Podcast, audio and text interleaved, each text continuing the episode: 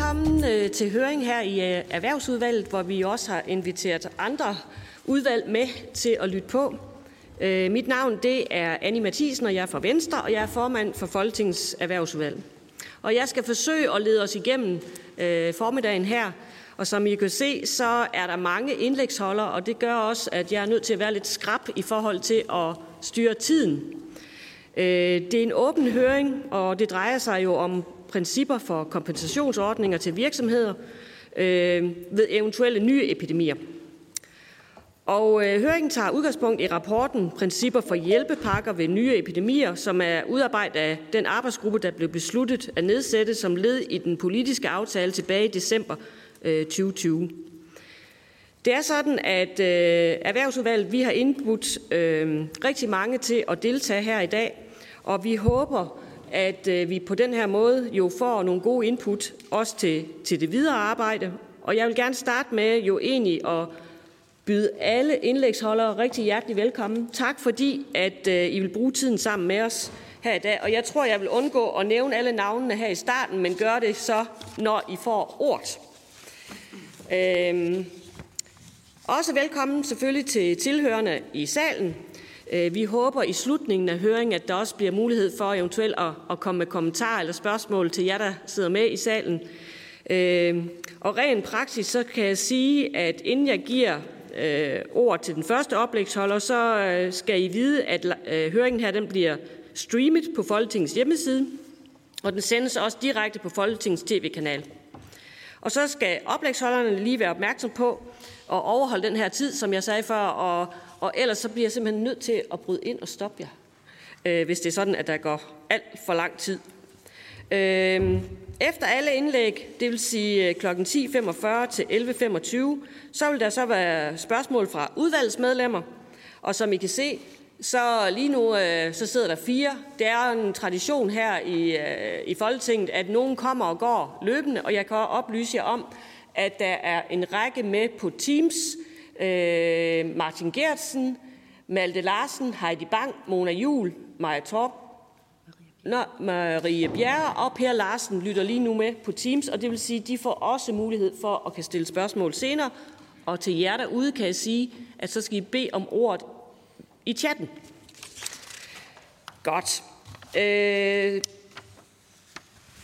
jeg vil også gerne opfordre til, og det er også sådan lidt øh, en vis erfaring, altså, at når vi når til spørgsmålsrunden, så stille klare, korte spørgsmål, og lad være med at lave lange politiske øh, taler, men øh, sig også gerne, hvem det er, at I stiller spørgsmålene til.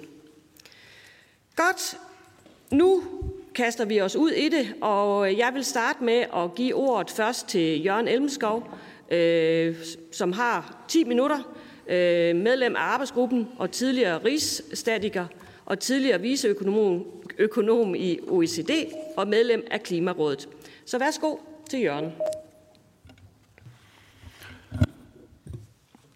Tak for det.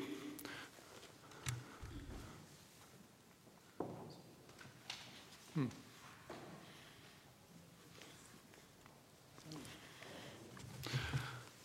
Tak for invitationen. Øhm, Lad mig øh, starte med at sige, at øh, ud over egen fortræffelighed, så sidder jeg her, øh, fordi øh, formanden for arbejdsgruppen, øh, Michael Dietmer, øh, desværre ikke kunne være til stede i dag. Øhm, mine bemærkninger her i dag, de er selvfølgelig baseret på arbejdsgruppens rapport, øh, men der er tale om øh, mine ord, skal jeg understrege.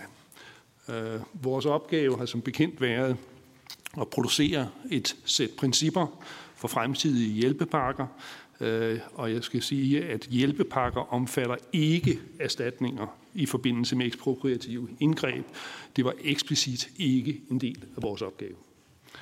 Øh, derimod så indgår øh, kompensationsordninger, låne- og garantiordninger, andre likviditetstiltag, puljer og diverse tiltag på arbejdsmarkedet, som alle har været anvendt i forbindelse med, med covid.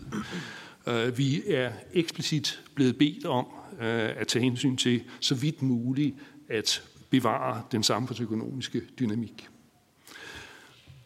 Det jeg vil gøre her, det er først øh, at give en selektiv øh, præsentation af de principper, vi er kommet frem til. Selektionen er selvfølgelig øh, påvirket af, at det er øh, erhvervsudvalget, der øh, er øh, den, som organiserer denne høring. Og til sidst vil jeg nævne nogle forhold, som nok bør tages i betragtning i den politiske opfølgning på vores arbejde, herunder hvis man måtte ønske at lovgive. Det er værd at understrege, at øh, de 18 principper, vi har identificeret, de er meget generelle. Og det skyldes to forhold. Det skyldes sikkert flere forhold, men to vil jeg fremhæve her. Det ene er, at alle epidemier er forskellige. Det gælder også deres økonomiske effekter. Øh, det gælder også de restriktioner, de kan give anledning til i medfør af epidemiloven. Den anden årsag er, at øh, hjælpepakker er betinget af nogle samfundsmæssige rammer, som hele tiden udvikler sig. Øh, for eksempel så ville nogle af tiltagene i forbindelse med covid ikke have været mulige med de IT-systemer og de datatilgange, som vi havde for nogle år siden. Øh, og på tværs af Europa kan man også se, at hjælpepakkerne har afspejlet øh, det finanspolitiske råderum, øh, der har været i de forskellige lande. Og det er jo også noget, der varierer over tid, som vi ved. Med den baggrund så falder principperne i fire puljer, hvor jeg vil hæfte mig især ved, ved de to første puljer. Øh, den første pulje det er principper, der handler om, øh, hvornår man skal gøre brug af hjælpepakker. Og budskaberne er blandt andet, at hjælpepakker fortrinsvis er til brug, når en sundhedskrise udgør et pludseligt, midlertidigt og usædvanligt stød til økonomien. Derimod gentagende epidemiske kriser, som bliver man så kan sige, en, en new normal, øh, de giver måske omvendt anledning til at undersøge muligheden for øh, eventuelt at lade forsikringsordninger bidrage, øh, og til at virksomhederne i højere grad selv opbygger stødpuder. Der skal være reel hjælp i pakkerne, men de skal samtidig have karakter af hjælp til selvhjælp, så der er et incitament til at komme tilbage til normal aktivitet. Hjælpepakker bør så vidt muligt ikke kompensere for underliggende strukturelle forandringer eller bruges som middel mod konjunkturtilbageslag. Øh, hvorvidt en given restriktion skal udløse hjælpepakker, må bero på en konkret vurdering af restriktionens begrænsende effekt på produktion, aktivitet og samfundsøkonomiske effekter.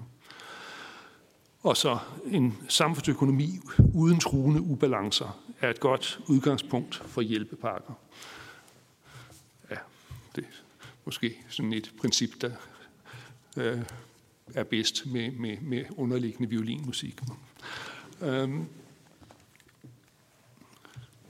I den anden pulje, der øh, handler principperne især om design af hjælpepakker, og budskaberne øh, er blandt andet, at øh, hjælpepakkerne skal sende et klart tillidsskabende signal om, at staten handler hurtigt for at holde hånden under virksomheder og økonomi, øh, men de skal omvendt fases ud, så snart det er muligt, for ikke at fastholde virksomheder, som ikke er levedygtige.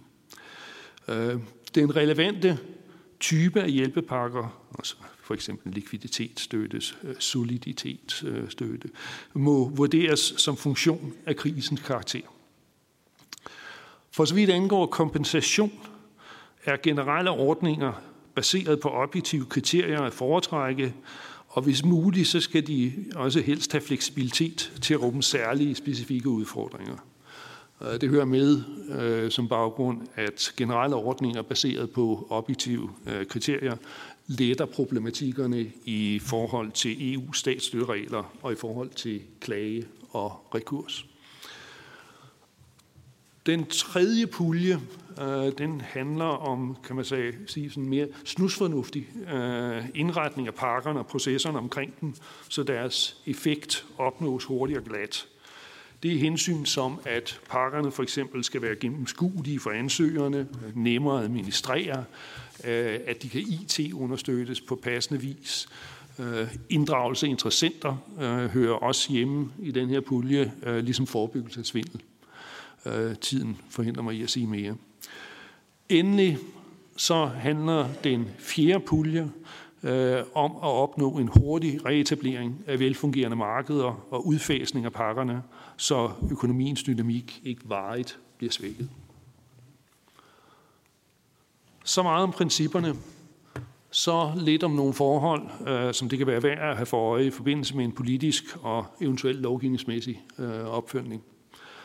Øh, jeg har allerede nævnt et forhold, nemlig vanskeligheden ved at forudse karakteren af fremtidige sundhedskriser, øh, og det her med at aflede behov for restriktioner og de rammevilkår, som vil være gældende i fremtiden.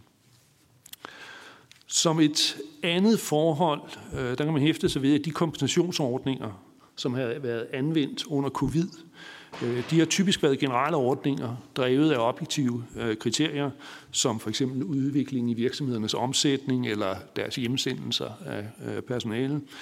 Og det betyder, at virksomhederne har modtaget kompensation ikke alene for den direkte effekt af de restriktioner, som de har været pålagt. For sagen er jo, at deres omsætning og hjemsendelser Øh, og dermed basis for, for kompensationen, har også været påvirket af adfærdsvirkninger hos kunder og forbrugere, øh, som følge af sygdommen, men ikke snævert relateret til restriktioner. Øh, altså et eksempel. Selv, selv øh, hvis der ikke havde været nogen restriktioner, så havde det jo nok ikke været boomtider i hotel- og restaurantbranchen. Øh, virksomhedernes omsætning og hjemsendelse og, og dermed den kompensation, de har modtaget, er også blevet påvirket af de slag, de har lidt gennem værdikæden.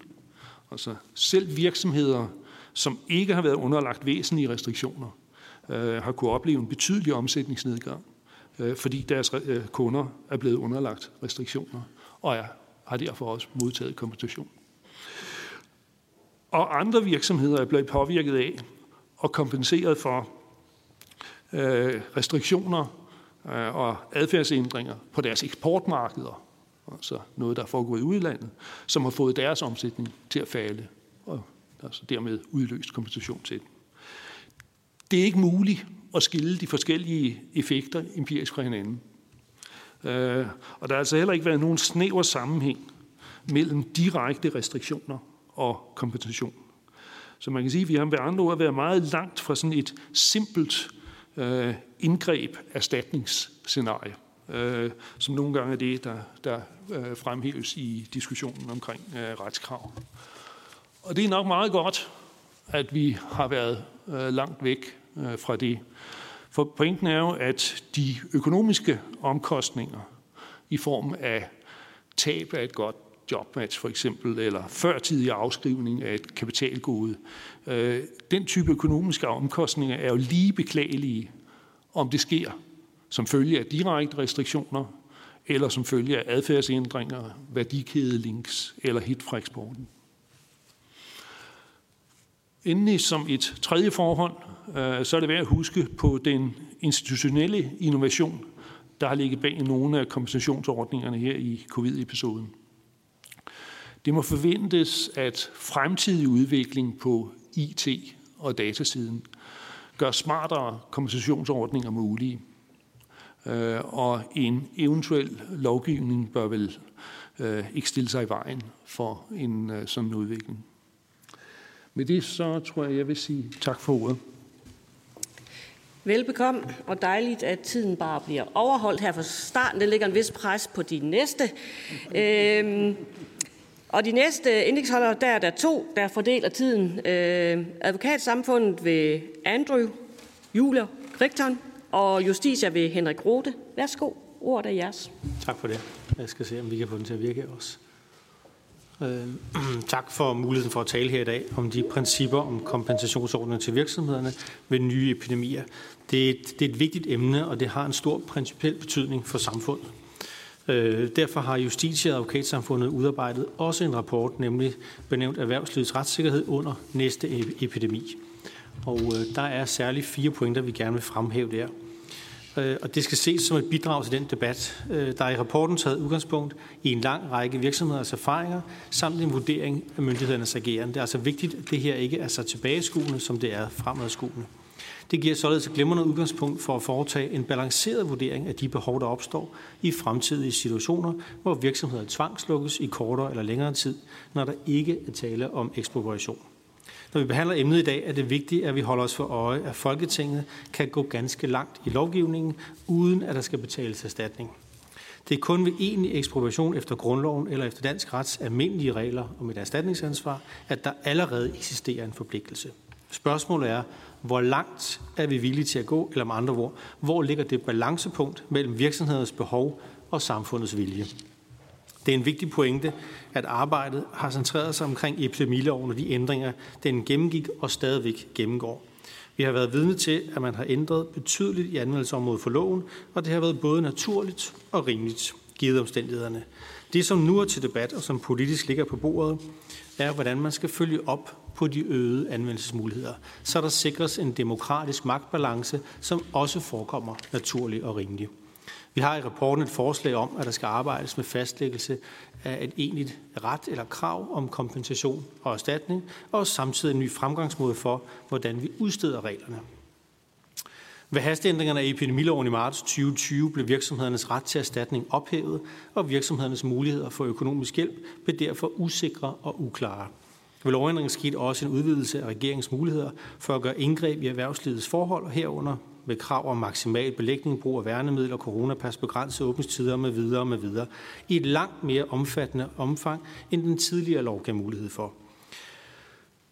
Og selvom statens restriktioner over for virksomheden jo sker i hele samfundets interesse, og det således kunne argumenteres for, at det bør være samfundet, der betaler, har virksomheden altså ikke længere et retskrav overhovedet på nogen form for økonomisk hjælp. Altså mere indgribende beføjelser og en dårligere beskyttelse. Virksomhederne har været helt afhængige af den politiske vilje, og deres retsstilling har været helt uforudsigelig. De mange ændringer har skabt uklarhed hos virksomhederne om, hvilke regler der gælder, og det er ikke retssikkerhedsmæssigt forsvarligt. Virksomhederne har gennem hele forløbet gang på gang skulle indrette sig på efter et hastigt stigende regler og kompensationsordninger, uden at vide, om de kunne få kompensation, hvornår, hvor længe og på hvilke betingelser kompensationen kunne udbetales. Virksomhedens retsgrundlag har derfor ikke været tilstrækkeligt gennemsigtigt. Når indgrebene i virksomhedernes dispositionsfrihed er så alvorlige, som den har været, er det særlig vigtigt at sikre opretholdelsen af det afgørende princip i et retssamfund, at forvaltningens afgørelser hviler på lovgivningen, og borgere og virksomheder i videst mulig omfang kan udlede deres retsstilling af lovgivningen. Og det har vi tid til at gøre på en ordentlig måde nu, inden næste epidemi. Det er vigtigt for virksomhedernes overlevelse, når indgreb er sket, at de hurtigst muligt får en afgørelse, hvilken hjælp de kan få. Lovgivningsprocessen er i den sammenhæng langsom, og det parlamentariske grundlag og, og gennemsigtigheden bør derfor sikres på en mere smidig måde. Derfor så har Justitie- og Advokatsamfundet øh, i deres rapport anført en række løsningsforslag til inspiration. Det ene er, at erhvervsdrivende, som lider tab som følge af tvangsindgreb, med hjemmel i loven skal som udgangspunkt have en ret til erstatning eller kompensation. Størrelsen skal fastsættes ud fra virksomhedens økonomiske situation og ud fra samfundsøkonomien. Det vil naturligvis altid være en balancegang. Men perspektivet, hvor man ser udfordring fra, er altså vigtigt, om man grundlæggende har en ret, eller man ikke har en ret. Der bør ske en grundig parlamentarisk forankret drøftelse af både de økonomiske dilemmaer, og det anerkender vi til fulde, der er, og de retssikkerhedsmæssige problemer, der ligger i tvangslukninger. Der bør nedsættes en egentlig erhvervsepidemikommission med repræsentanter fra erhvervslivets organisationer, for uden repræsentanter fra regeringen, som skal konsulteres i forbindelse med udarbejdelse af bekendtgørelser på området, nøjagtigt som vi kender det på andre områder. Reglerne bør udstedes i bekendtgørelsesform, og de skal godkendes af Folketingets epidemiudvalg, så den parlamentariske kontrol sikres uden den mere omfattende lovproces behøver at blive aktiveret. Til sidst kan man sige, at tildelingskriterierne for kompensation eller erstatning skal også i videst mulig omfang gøres objektive og digitaliserbare, som giver en større gennemsigtighed i virksomhedens retsgrundlag og en hurtigere og effektiv sagsbehandling. Man kunne til sidst afslutte med at sige, hvis, hvis øh, den underlægningsmusik, der manglede øh, i den tidligere indlæg, den, den kommer så her i form af ordet retssikkerhed, som jo er et enormt vigtigt princip at bære de her øh, hvad det, videre arbejde på. Og så vil jeg give ordet videre til Henrik Rute. Ja, tak. Og, og det, jeg vil sige lidt om, det er sags, sagsbehandlingsregler, hvor man jo kan sige, at det er der overhovedet ikke nogen overvejelse om i arbejdsgruppens rapport. Det har heller ikke ligget i deres kommissorium. Men ikke desto mindre er det overordentligt vigtigt, at øh, man jagter øh, fornuftig forvaltningsskik i sagsbehandlingen. Og øh, i vores rapport er der en meget øh, omfattende dokumentation for både regelgrundlag og opbygning, og ikke mindst erhvervslivets erfaringer med, hvordan sagsbehandlingen så rent faktisk er forløbet under øh, den pandemi, vi har været igennem.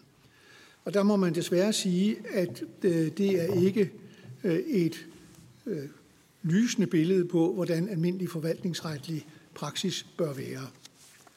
Øh, man har øh, jo selvfølgelig været stillet over for en vanskelig situation, hvor man pludselig skulle have kompensationsordninger til at køre øh, på systemer, som ikke var der i forvejen.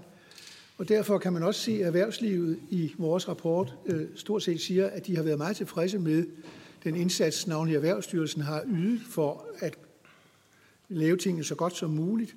Men det ændrer ikke på, øh, at øh, den måde, man har behandlet sagerne på, øh, ligger langt væk fra det, vi kalder normal forvaltningsretlig standard. Så på den ene side ros til Erhvervsstyrelsen, på den anden side ris, fordi man ikke har været i stand til at leve op til almindelig forvaltningsretlig standard. Og det er navnlig nogle af de her IT-systemer, man har brugt, som i realiteten har gjort det umuligt at bruge de almindelige regler om genoptagelse, når der enten er begået fejl af, af forvaltningen eller øh, fejl af den, der ansøger.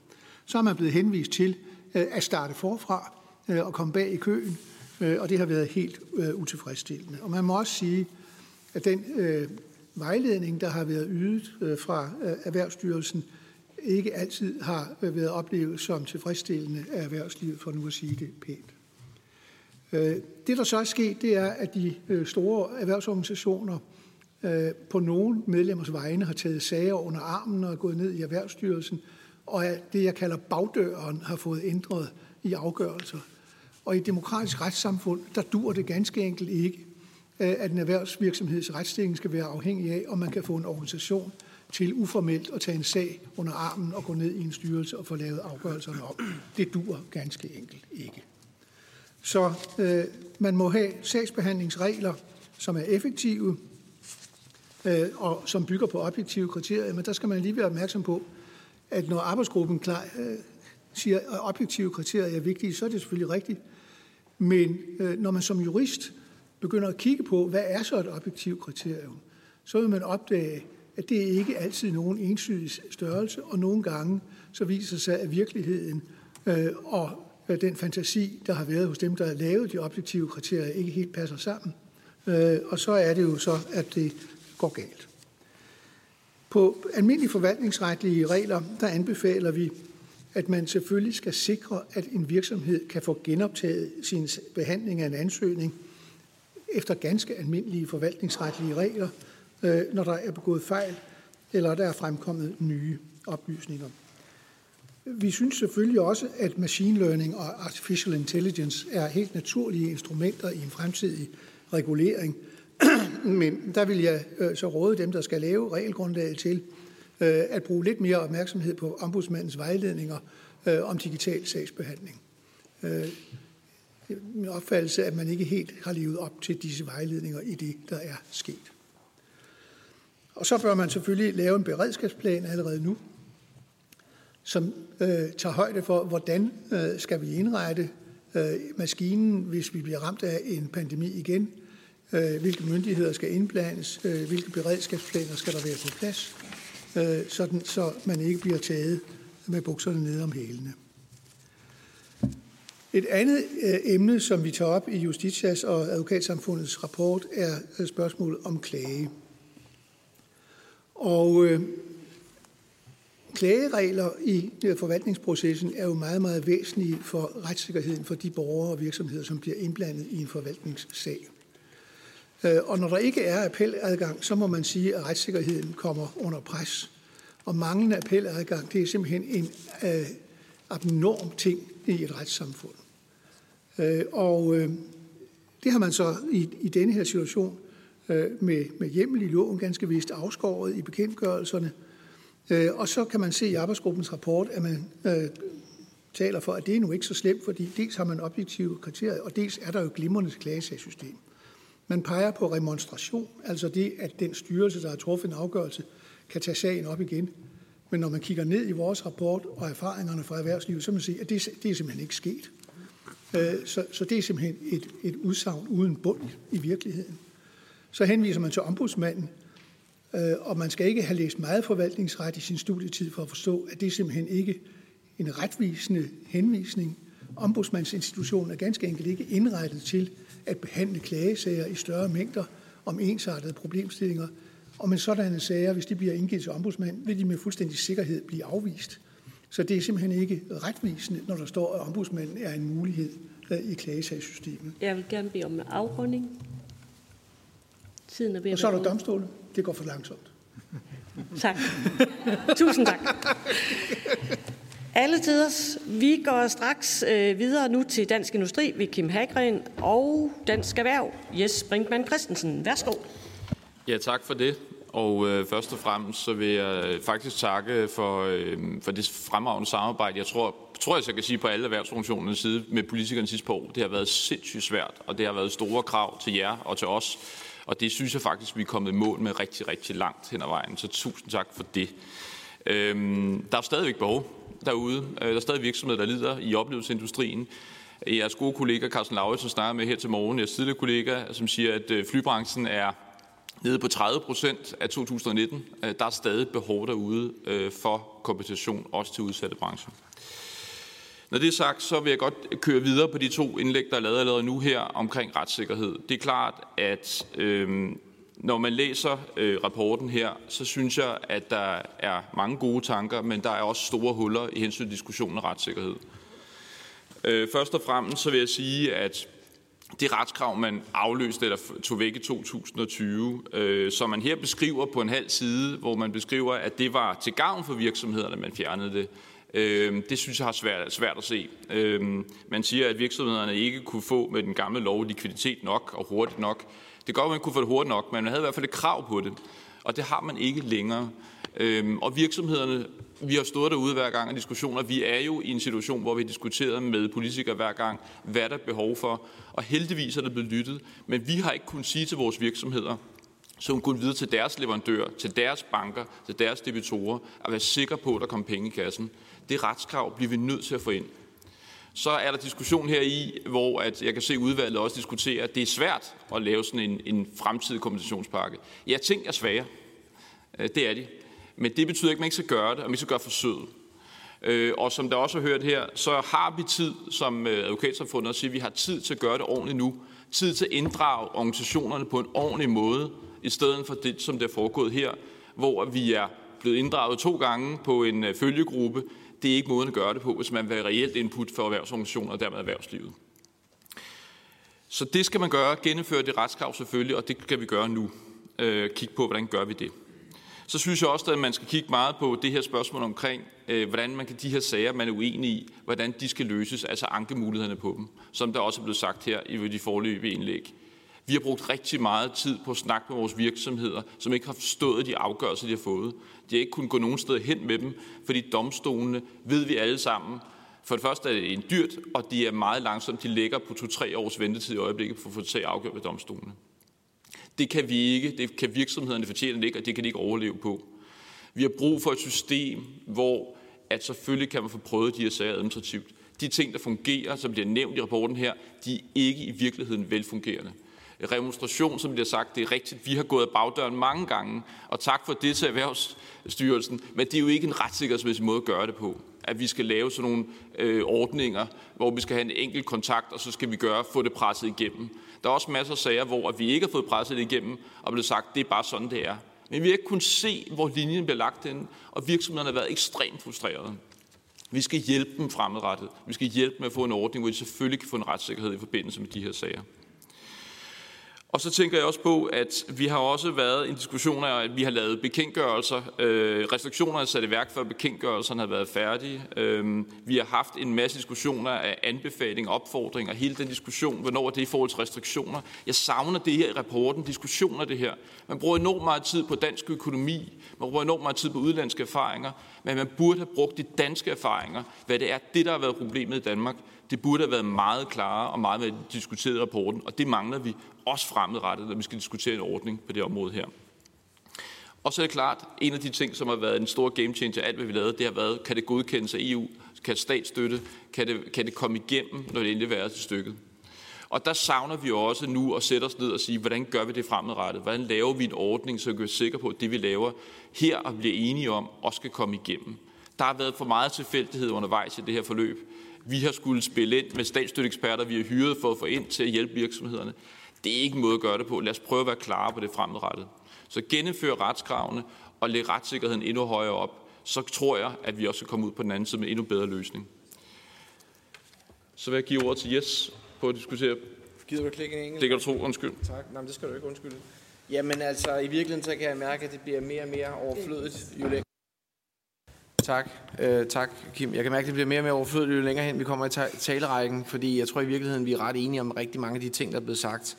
Men jeg vil faktisk også gerne undgå en, en uh, semantisk diskussion her omkring uh, hjælpepakker. Det har jeg lovet nogle gode folk, at vi ikke kommer ind i, uh, men, uh, men det står stadig ved magt uh, i flere citater rundt omkring. Det, som jeg gerne vil sige, jeg vil gerne sige tak, uh, fordi I, I uh, inviterer til den her diskussion. Jeg synes, den er væsentlig. Jeg synes, det er væsentligt også, som Kim var inde på, i forhold til det arbejde, der har været. Det har været et seriøst arbejde med ekspertgruppen, men det har også været et arbejde, hvor vi ikke har været inddraget tilstrækkeligt. Det har været et arbejde, hvor vi har stået udenfor og har lyttet på, hvad der er blevet sagt, og de input, vi er kommet med på de to møder, har været mere eller mindre øh, nyttesløse. Øh, så det har været lidt ærgerligt, øh, synes jeg. Men jeg vil gerne sige tak også til øh, både øh, Erhvervsministeriet og Erhvervsstyrelsen, i særlig grad også den, den evne, de har haft til at, at hjælpe virksomheder igennem krisen af bagdøren. Det er jeg fuldstændig enig i, at det har også bare været nødvendigt. Hvad har alternativet været? Det har været, at virksomheden var gået konkurs. Så derfor så har det været en, en nødvendighed set fra vores synspunkt. Men de der seks principper, som, øh, som erhvervslivet også, eller i hvert fald vi har været med til at kigge på også hos os, det er jo også et udtryk for, at vi ikke synes, at rapporten er dækkende. Rapporten synes vi ikke e-, evaluerer tilstrækkeligt, og den kigger ikke tilstrækkeligt tilbage på de to år, der har været, og så kigger den nærmest kun frem, uden at samle op. Øhm, jeg vil gerne kigge på i hvert fald to ting, vi har kigget på her. Det ene, det er Øh, øh, inddragelse, og det andet det er det her forudsigelighed. Og vi, der, der er blevet sagt lidt om det allerede. Øh, I forhold til det her med inddragelsen, der har været de her sektorpartnerskabsdiskussioner, hvor man har siddet og kunne være diskuterende med og komme med input, men fra inputten er givet til, at inputten bliver taget ned og bliver formuleret til enten restriktioner eller, eller, eller andre initiativer, som gør, at det har været svært at være virksomhed den, den mellemregning, den har vi været totalt udladt af. Og, vi, og det vil sige, når der så er kommet restriktioner, der har været svære at forklare, så er det også enormt svært at forsvare, og så er det svært for et erhvervsliv også at stå og sige, det synes vi er fornuftigt. Og hvis man så i øvrigt kommer til at sige, at det er lidt kritisk, så bliver man jo imod en eller anden mainstream om, at man ikke synes, at folkesundheden er vigtig. Det er jo ikke det, det handler om. Det handler sådan set bare om, at vi ikke kan forstå, hvorfor man for eksempel skal øh, Øh, øh, aflyser julefrokost med, med en anbefaling, eller hvorfor man skal øh, bære mundbind øh, i zoologisk have, eller andre ting. Altså, der er bare nogle ting, som ikke hænger sammen, øh, og det synes vi har været ærgerligt, at, at man går fra en diskussion til en konklusion, uden at man ligesom har kigget på den friktion, som konklusionen skal løse. Øh, så har der også været epidemikommissionen, som også er blevet sagt. Det er jo klart, at erhvervslivet skal selvfølgelig være repræsenteret i en epidemikommission. Det kan jo ikke være sådan, at der sidder kun repræsentanter mere eller mindre fra regeringens eget embedsværk, øh, som skal komme med anbefalinger til regeringen, som så i øvrigt så er blevet taget ned, som jeg kan forstå i dagens øh, artikel, øh, nærmest enstemmigt hver evig eneste gang. Det kan der være mange gode grunde til, men det har også været fedt, hvis man har kunne kigge ind i de diskussioner, der formentlig har været i Epidemikommissionen for og imod, øh, sådan så det ikke bare har været en, en, en lukket boks. Og derfor så synes vi i hvert fald set fra Dansk Erhvervs side, som jeg tror, vi mange er enige om, det er, at en inddragelse i form af et, et sæde i en epidemikommission fra erhvervslivets side, og hvordan den sammensættes, det, det må andre øh, end jeg være klogere på. Og så det her med et, et forudsigelighedsprincip eller et varslingssystem, det vil sige, når man så kommer fra nogle restriktioner, øh, som er det super fint, hvis der har været nogle bekendtgørelser på plads i god tid, så man ved, hvad man skal agere efter som virksomhed. Øh, og det vil sige den måde, vi kan anbefale og vejlede vores virksomheder. Øh, jeg har fået sendt øh, mange lange e-mails af kolleger fra markeder, både i oplevelseserhvervene og, og i detail og andre steder, på eksempler på øh, vanvittige øh, altså, øh, oplevelser, man har haft rundt omkring. Også ting, der har været ulovlige, som har taget halvanden år at lave om. Øh, og, og, øh, og mange af de eksempler kunne være fint, hvis man også havde et sted at kunne spille dem ind øh, i den her proces. Øh, men det gør jeg selvfølgelig meget gerne senere hen. Så synes jeg ikke, jeg skal tage med langhånden på det her, for jeg tror i virkeligheden, at vi kommer til at gentage hinanden mange gange. Tak. Tak for det, Jes. Og ja, det kan nok ikke undgås andet, at der er nogle ting, der bliver gentaget. Men modsat så, øh, uden at genere mine øh, kollegaer, så kan det også være, at det hænger endnu bedre fast. Øh, så, så, så det er jo positivt. Godt. Vi går straks videre til SMV Danmark, og det er Mia Amalie Holstein, som får ordet. Værsgo, Mia. Og du har så kun fem minutter. Mange tak for det. Jeg skal lige... Der var den. Øhm, jamen, jeg, vil, jeg synes, det har en værdi, vi gentager, yes, så det vil jeg, det vil jeg gøre. Øhm, jeg vil sige tak for muligheden for at præsentere vores holdning på rapporten. Øh, vi synes også desværre, at øh, vores input undervejs ikke er blevet taget øh, grundigt nok med øh, i processen. Øh, vi har været utrolig glade for at være øh, uformel høringspart på, øh, på en række ting under krisen. Det har været det, der har gjort, at vi er kommet så godt igennem, at vi har kunnet arbejde med styrelserne og få ting ind ad bagdøren, som det sagt. Så det er vi også utrolig glade for. Øhm, men det er jo øh, ikke den rigtige måde, det skal fungere på, og det er også derfor, det er så vigtigt, at vi får fastlagt de principper, som vi skal tale om nu. Øh, rigtig mange af de principper, øh, som vi har været igennem, øh, dem er vi jo enige i. Der er, ikke, øh, der er mange af principperne, man ikke rigtig kan være uenige i, men grundlæggende er vi ikke enige i det, som vi mener er princippernes motor, altså det her med, at virksomheder skal kunne forsikre sig gennem private forsikringsselskaber. Der er mange gode forklaringer på, hvorfor det ikke kan lade sig gøre. Øh, hvis jeg bare skal give en, så modsat stormflod og vulkanudbrud, så findes der ikke et genforsikringsmarked for pandemier. Det vil sige, at hvis øh, der kommer en pandemi og rammer et forsikringsselskab, så rammer det resten af verden. Det kan ikke lade sig gøre. Øh, det næste er økonomiske stødpuder. Det er jo grundlæggende et princip om at forsikre sig selv. Øh, den lille frisør kan ikke oparbejde så stort et overskud, at, øh, at som en pandemi kræver for at kunne lave den her stødpude. Overskuddet er for lille, hændelsen er for sjælden, opsparing sker på bekostning af investeringer, som betyder, at dem, der ikke laver den opsparing, de vil blive udkonkurreret. Tilbage står den offentlige forsikring, som jo dybest set er retskravet. Men jeg synes også lige, før vi går lidt mere i detaljer, lad os dvæle ved det overordnede. Vi står for et paradigmeskift her. Det synes jeg også, advokatsamfundet var inde på. At de 18 principper og hasteloven fra 12. marts 2020, jamen der sker en overflyttelse af risikoen, øh, som følger indgreb fra staten til virksomhederne. Det er fra at passe på den lille frisør eller mekaniker til at passe på statens finanser. Med de 18 principper så er det øh, et bevægelse til, at den hver tid siddende folketing eller epidemiudvalg øh, i samme ombæring kan lukke ned efter behag og kompensere efter for godt befindende. Og det synes vi ikke er rimeligt, og vi synes ikke, det er hensigtsmæssigt. Fordi alfa og omega, det ved vi, øh, når vi ser gennem historien og på, og på tværs af lande, alfa og omega er at få likviditet hurtigt til virksomhederne. Og juristerne, de vil sige, at virksomhederne skal sikres, øh, deres retssikkerhed skal sikres, sådan så staten ikke kan lukke ned, skal koste noget. Økonomerne vil argumentere for, at hvis man hurtigt øh, skal redde nogen i en krise, så handler det om at flytte ressourcerne derhen, hvor det brænder. Sådan så vi ikke bruger al den tid, som vi har brugt for blandt politikere og embedsmænd og også i erhvervslivet, til at udvikle principperne undervejs. Det viser Grønnegård-rapporten også. Så svaret er, uanset øh, hvordan vi vender og drejer det, et retskrav.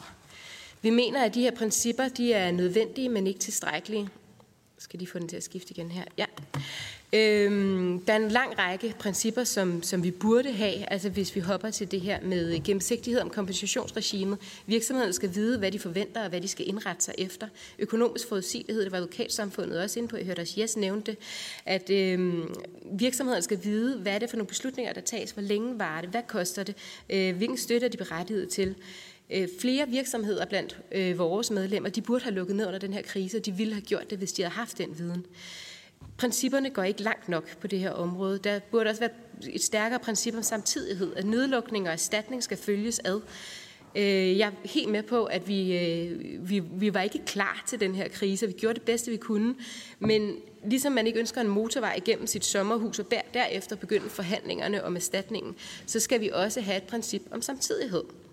Sagsbehandlingen, det var Henrik fra øh, Justitia rigtig godt inde på i forhold til øh, de forvaltningsretslige standarder, øh, IT-systemerne, som ikke kunne genoptages. Det er også et stort problem. Og rekurs, altså vi skal simpelthen have en bedre appeladgang. Domstolene, det tager to år, og virksomhederne bliver reelt retsløse, for de går ikke ind og laver den øh, hvad hedder det, sag, eller anlægger den sag ved domstolene. Øh, desuden har vi i Danmark, hvis vi skal tage det lange lys på, ikke retstradition for, for den her form for judiciel øh, aktivisme. I udlandet kører der millioner af den her slags sager. Hvis vi skal kigge de her 100 år frem til, når næste krise rammer, jamen så er der behov for, at vi i højere grad øh, skaber nogle retssager, altså nogle, nogle forhold for, at der kan køre retssager, når nu at, øh, at der øh, hvad hedder det, øh, er en afgørelse, som der skal klages over. Nødvendighed er et supercentralt ord i forhold til indgrebet. Det må ikke finde sted, hvis formålet kan realiseres på en mindre indgribende måde, og indgrebet må ikke være mere omfattende end nødvendigt for at nå formålet. Og så skal vi tale om en færre placering af kriseregningen. Den var jo også inde på i forhold til, øh, hvem skal betale, hvis det er tilfældigt, hvilke brancher, der skal lukke ned for at hindre en smitte. Det har vi været inde på. Men for at, at øh, summe op, så vil jeg bare sige, at pandemier sker måske engang hvert 100 år. Jeg er helt med på, at det nok ikke bliver min eller jeres øh, livstid, at vi skal opleve endnu en sådan pandemi. Men jeg, øh, og jeg er helt med på, hvorfor at vi ikke kan fastholde det stedlige kriterie, der ligger i retskravet, som det var udformet i den gamle epidemilov. Men vi skal have automatikken tilbage i lovgivningen. Og øh, præcis som vi kender den fra ekspropriationsområdet, er det vigtigt, at øh, man har et retskrav på at få en erstatning, hvis staten lukker en ned. Så derfor er vores vigtigste appel, at de sikrer retsstillingen, genindfører retskravet, og vi anbefaler den model, som Justitia og Advokatsamfundet lægger op til. Tak, Mia. Godt kæmpet. Øh, det var lige før, at blive helt forpustet. Øh, vi går videre til Danske Solselvstændige ved Tom Carstensen. Værsgo, Tom. Tak. Mia, vil du slukke mikrofonen? Tak. Ja, jeg kan kun tilslutte mig retskravet, eller det kan vi danske solselvstændige. Vi er lidt den nye dreng i klassen. Vi kom til på grund af, af pandemien, hvor der var en masse små øh, enkeltmandsvirksomheder, som ikke rigtig følte, de blev hørt. Og der, der var der så nogle af øh, mine nu kolleger, der startede den her organisation og har råbt og skrevet siden. Måske også været lidt irriterende i ny og næ, men øh, sådan er det. Øhm, og, og det, der er, som er det store problem, det er, at vi ser ikke det her som værende forbi nu, selvom det, øh, det lader til, at man taler om nøgletal, og, og, og der er høj, øhm, øh, høj beskæftigelse, men, men det er altså ikke forbi nu for en stor del af vores medlemmer. Vi, vi har lige talt med en flok advokater, vi arbejder sammen med, og der, de frygter en, en bølge af, konkurser, som ligesom er på vej, øhm, og det er jo blandt andet på grund af, at, at man har lavet loven om, som man har gjort, så retskravet er forsvundet, og, og at, at folk har haft lange ventetider på, på behandling af sager, øhm, og, så derfor det, det er desværre ikke slut endnu øhm, i det nutidige, men vi skal selvfølgelig også have styr på, på det fremtidige, øh, og det er jo det, vi skal tale om, om nu. Men, men altså, de her ting, vi står overfor nu, hvor vi taler om fremtidige konkurser, og de er jo altså ikke selvforskyldte for, for vores medlemmer. Det er jo fordi, der er blevet lavet om i, i, i lovgivningen, så man ikke har haft den ret, man har haft tidligere, øh, fordi man ændrede det over natten, og lige pludselig så, så, så var det virksomhederne, det lå hos. Øhm, og vi er selvfølgelig glade for at være inviteret med, og vi er glade for, at man ligesom har forstået, at der skal kigges fremad, og der skal defineres nogle nye regler i, i forhold til en ny pandemi. Det er klart. Øhm, spørgsmålet er, om, om jeg er ikke helt så sikker på, at der måske går 100 år, som, som Mia er. Man kunne godt frygte, at der kommer andre og, og nedlukninger igen. Øhm, og, og i princippet så har det jo set meget fint ud på papiret meget af det her, men det er bare ikke sket i praksis. Vi har, der har tit været tale om, altså når, vi har, når folk har skulle søge de her øh, kompensationer, som bliver kaldt hjælpepakker af politikere, jeg lægger mærke til, at der ikke er nogen her, der kalder dem hjælpepakker, øh, fordi det er jo en, en kompensation for noget, der bliver taget fra en, så jeg synes, det er meget vigtigt, at vi holder fast i ordet kompensation.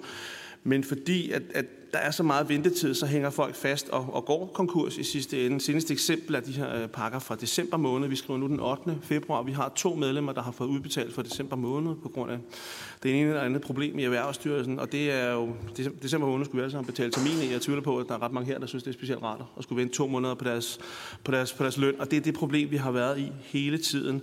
Og det gør altså stadig ondt, og det bliver ved med at gøre ondt. Øhm, og, og så er der noget, som vi har specielt har kæmpet med, men ikke har fået igennem desværre. Det er det, vi sådan står tilbage med, som er det, vi synes er en forskelsbehandling. Øhm, for eksempel i Tyskland og, og i, i Sverige, der, er, øhm, der har der været mere ligestilling i forhold til beløbsstørrelser. Øhm, men selvstændige i Danmark har hele tiden kun kunne få 23.000, hvorimod der havde ligget 30.000 øhm, til, øhm, altså til, til virksomhederne. Så er de, så selv skulle, de store virksomheder så selv skulle betale resten af kagen til, til, deres, øhm, til deres ansatte. Men den her den her forskel gør, at mange selvstændige nok føler, at de er en del af et B-hold, øhm, og den sidder mange simpelthen tilbage med. Øhm, og det er et problem, fordi vi står så overfor en fremtid, hvor vi har 120.000 cirka selvstændige i Danmark, og jeg kunne, vi hører der flere og flere, som tænker, at det er måske en vej, der er mindre, øh, man har mindre lyst til at gå nu, fordi man simpelthen har kunne se, hvordan de er blevet behandlet i forhold til andre, og det er jo i hvert fald et problem, synes vi, fordi vi står også i en virkelighed, hvor vi taler om fleksibel arbejdsmarked, vi kalder det det fjerde arbejdsmarked, og det kan være folk, der bliver selvstændige, fordi de brænder for noget, det kan være folk, der har forskellige job, der har også været sager om vold og det ene og det andet,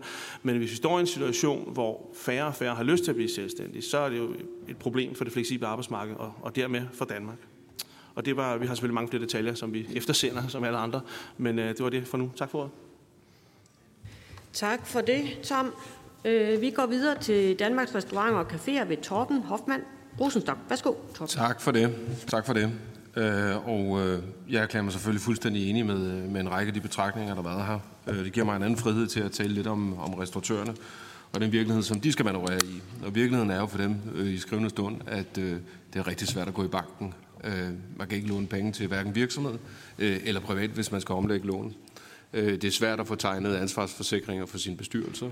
Øh, selv medarbejderne har svært ved at tegne øh, lønsikring. Det er simpelthen der, vi er nu. Øh, og det klarer vi ikke ved at tale om, om principper. Det klarer vi ved at tale om, om, om forudsigelighed og retssikkerhed. Det er der simpelthen brug for. Øh, vi vidste, hvad vi havde før, og det har vi brug for at øh, få tilbage igen, så vi har noget, vi kan hænge det op på. Vi må ikke sidde tilbage med det indtryk, at, øh, at det der er statens ansvar, altså overgår til at være øh, erhvervslivets ansvar. Samfundskontrakten er, og må nu engang være sådan, at staten leverer retssikkerhed, vi leverer jobs, betaler vores skat øh, og opfører os ordentligt. Øh, så, øh, og når vi så har ekstra fokus på det nu her også, så er det jo fordi, at man også af rapporten kan udlede på side 7, at det er altså, der er foretaget en vurdering, øh, at, øh, at der ikke har været tale om ekspropriative indgreb over for virksomheder med videre, som har udløst erstatning, og derfor må vurderingen også være, at staten ikke har handlet ansvarspådragende. Det er en ret vidtgående øh, vurdering, der er foretaget her. Øh, og med al respekt for arbejdsgruppen, så er det primært bestående af, af økonomer, måske en enkelt jurist, som jeg, som jeg lige husker det. Øh, og og jeg, når jeg kigger i, i rapportens kommissorium, kan jeg heller ikke se, at man skal foretage en sådan vurdering. Så, så jeg synes et eller andet sted, det får også til, til at efterspørge et, et, et, et, et, altså at vi får arbejdet lidt med det her retssikkerhed, når det er sådan nogle vurderinger, man kan, man kan foretage. I virkeligheden så er det jo øh, en domstol, der skal foretage en sådan vurdering, og det er jo også, når man tænker på jo både mængderhverv, og vi har altså et natteliv, der ude af 24 måneder har været lukket i 21 måneder, at, at, vi så, at vi så kan foretage en sådan vurdering. Kigger man i forarbejdet til loven, så har du de største juridiske koryfærer, Sale, øh, Gerner øh, og Alforos, der diskuterede stolpe op og stolpe ned om omfanget af øh, ekspropriation. Hvor går grænsen hen af, uden egentlig at nå til enighed. Øh, så det, øh, det synes jeg bare, at, at, øh, at det er et fokuspunkt, vi har her, og som også skal vi sige, motiverer os yderligere til at sige, at vi er nødt til at få kigget godt og grundigt på retssikkerheden. Det vi synes, at man skal fokusere på, øh, Amelia var også lidt inde på det, det er jo, hvad er det så, øh, der skal gælde, øh, øh, når, når der kommer de her restriktioner. Der skal være en automatisme i ting, så vi har en forudsigelighed. Øh, vi er nødt til at have øh, nogle, nogle, øh, en, en viden om, om, hvad det er for nogle minimumsmodeller og størrelser af kompensation og udstrækning af. Herunder også de statsgaranterede lån. Hvad er det for nogle systemer, man kan sætte op? Og så også have en fleksibilitet i gældsafviklingen. Vi sidder jo netop nu og prøver at få lov til at få noget mere respit i forhold til at betale tilbage. Øh, og det restauratørerne har gjort, er jo i virkeligheden bare at følge statens anbefaling og holde på sine medarbejdere og oparbejde en, en kæmpe gæld. December har ikke været nogen god måned. Det vil sige, at man står i en situation nu her, hvor rigtig mange har svært ved at tilbagebetale. Det er vi nødt til at kigge på. Og så er der selvfølgelig det aspekt, at, øh, at, at, øh, at man jo også som virksomhed er blevet belastet, hvis man har foretaget investeringer. Øh, i muligheden for at få tilbage i, i fast, øh, øh, altså kompensation for faste omkostninger. Og vi skal jo gerne skabe et klima og miljø, hvor man som virksomhed også har lyst til at investere i, øh, i, øh, i grøn omstilling osv. Så det burde man måske også lige have fokus på. Det, som vi havde med til, øh, til, til, øh, til de her følgegruppemøder, det var, at, øh, at vi ønskede, at det skulle fremgå fremadrettet. Nu skulle lige se, den kom der. At, at man ikke baserede lønkompensation på tre, tre partsforhandlede aftaler. Øh, det kan godt være, at de har fungeret på den korte bane, men på den lange bane, der slår vi altså en lille, lige streg mellem øh, de trepartsforhandlede øh, lønkompensation og den store gæld, der er oparbejdet. Og ydermere så finder vi også, at, øh, at vi, vi er nødt til at slå, få, få slået klart fast, at virksomheder ikke kan være forment adgang til lønkompensation, fordi der er en, en faglig organisation, der har varslet en konflikt. Det kunne vi ikke udlede af første øh, epidemilov, som, som blev kancelleret, og der skulle altså to bekendtgørelser til, før at det ligesom blev slået fast. Det skaber en, en ubalance, øh, og en usikkerhed, øh, som ikke er rimelig. Og slutligt, jeg tror, jeg holder mig ind for tiden her, øh, jamen så er der et fint forslag fra, øh, fra Justitia og Advokatsamfundet om at nedsætte en erhvervsepidemikommission, og den øh, støtter vi fuldstændig op om. Øh, det er ikke ministeriets øh, spidskompetence at drive virksomhed, og det er heller ikke de erhvervsdrivendes spidskompetencer at drive myndighed. Øh, så få sat holdet ordentligt med de rette kompetencer, så vi kan finde de løsninger, som faktisk kan bringe noget. Og det var lige præcis til tiden. Det var det. Super godt. Vi fortsætter med Horesta ved Christian Nørgaard. Værsgo, Christian.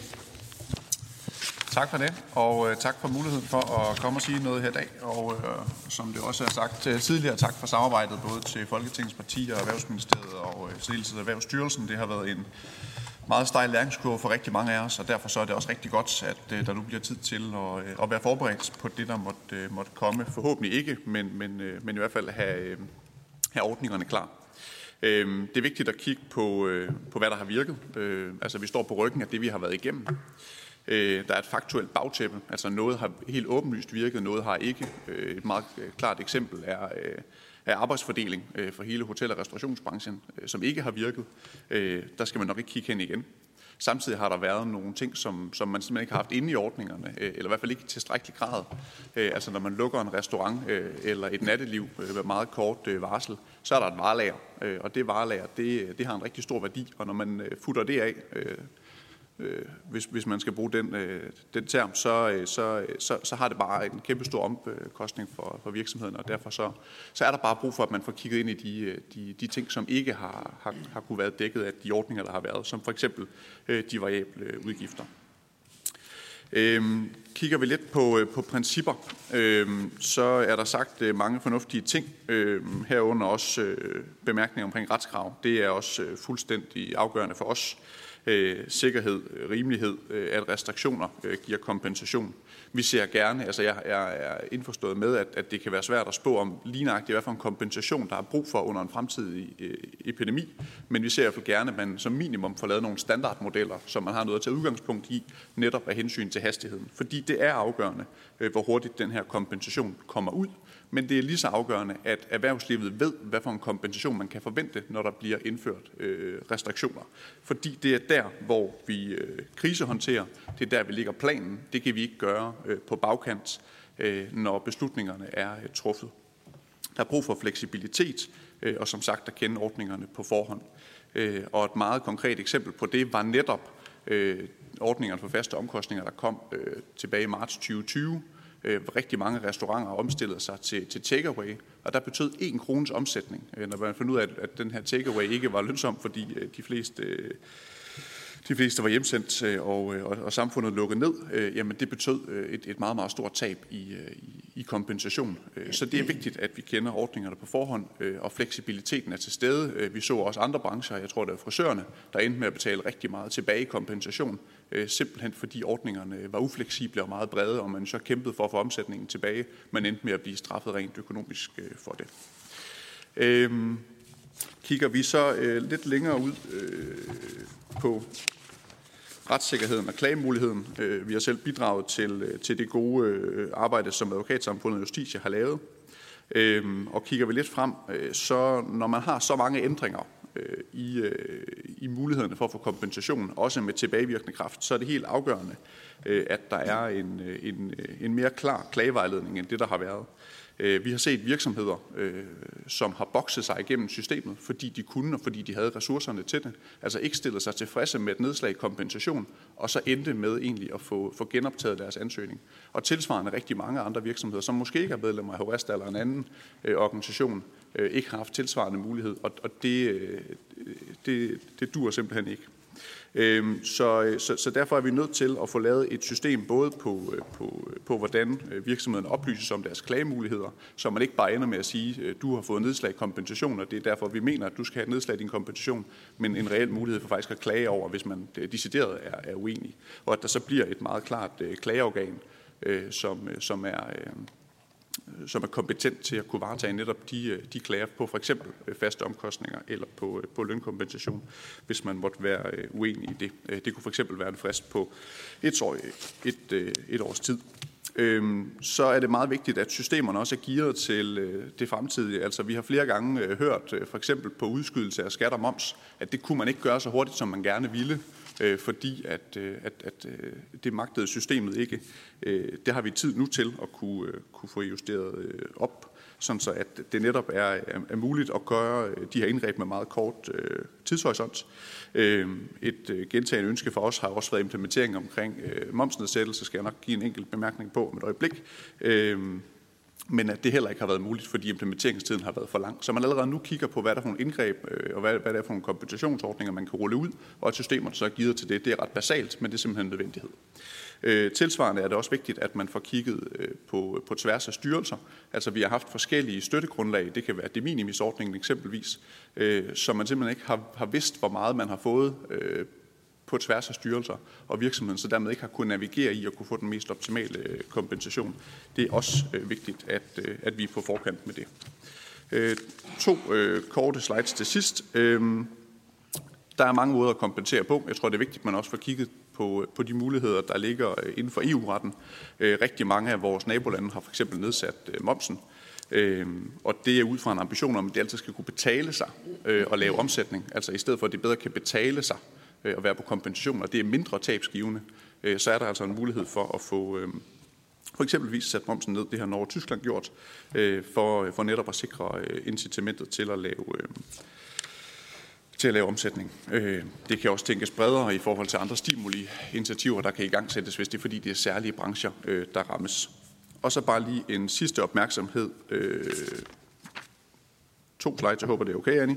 Øhm, ja, du opmærksomhed. har 10 sekunder. Christian. Ja tak. På, sær, på, på sæson- og tvangslukkede virksomheder, altså som Torben også lidt var inde på, når man har været tvangslukket i 21 måneder, så dur det bare ikke, at en lønkompensation kun dækker 75 procent af lønnen. Øh, der må man simpelthen kunne lave en anden ordning øh, tilsvarende på de sæson, på sæsonbetonede virksomheder, som, øh, som ligesom har mistet indtægten i deres sæson, øh, og dermed ikke er blevet hjulpet i en sæson, hvor de måske ikke har nogen omsætning. Øh, og så bare afslutningsvis øh, er det fuldstændig afgørende, at de EU-retlige rammer også passer til det. Altså, øh, det er utroligt, at vi igen skal vente nu på at få en godkendelse ned fra, fra kommissionen på ordningerne, inden de kan åbne, selvom det er velkendte ordninger, vi åbner her øh, igen i januar. Så det er vigtigt, at EU-ordningerne er på plads på forkant, og at de principper, man får lavet her, også afstemmes EU-retligt, øh, og så kan man jo i samme omgang jo tage, få taget et opgør på, at der ikke er et loft over, hvor meget kompensation man kan få. Øh, det, er, det er fuldstændig urimeligt, at det er sådan. Så, så få tænkt det hele vejen rundt, også EU-retligt. Tak. Beklager, jeg gik et tak. minut over tiden. Ja, du men, gjorde, ja. men øh, det er rart, at så har jeg noget til gode.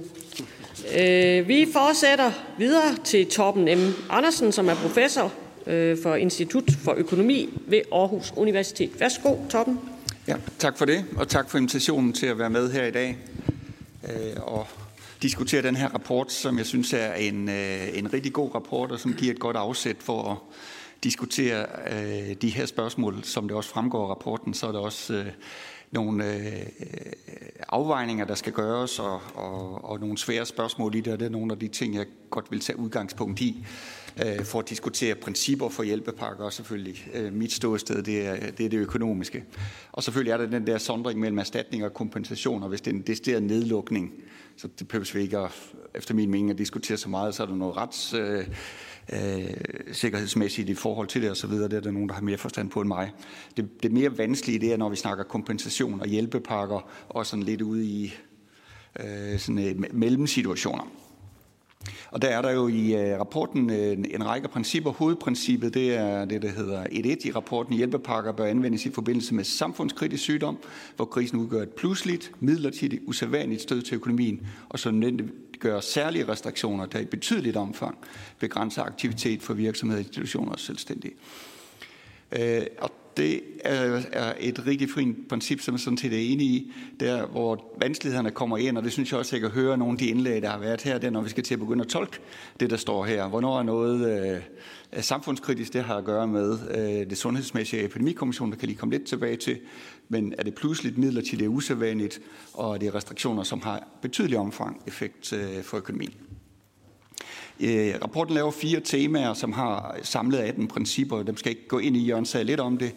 Øh, det synes sådan set er meget god systematik øh, her omkring de her ting og peger på, på mange vigtige ting.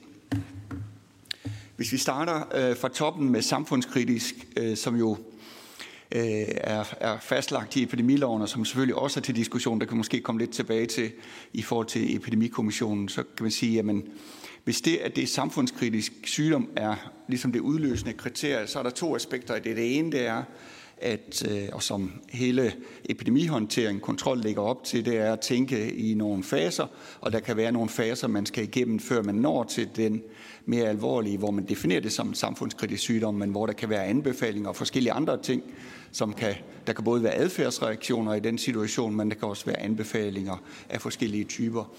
Og der kommer vi så lidt ind i en gråzone, hvor måske øh, rapporten ikke er helt klar omkring det der med adfærd. Det kommer lige tilbage til. Og det andet er så, hvis den er erklæret samfundskritisk, jamen så er der jo reelt et kontinuum af tiltag, man kan gøre der. Det er ligesom lagt ind som et meget stort trin i epidemilovgivningen, at man skal, når det er alvorligt erklæret samfundskritisk, så kan man gøre nogle ting. Og i den milde ende, ikke, så har vi for eksempel coronapas, og så helt op i den anden ende, så har vi desterede nedlukninger.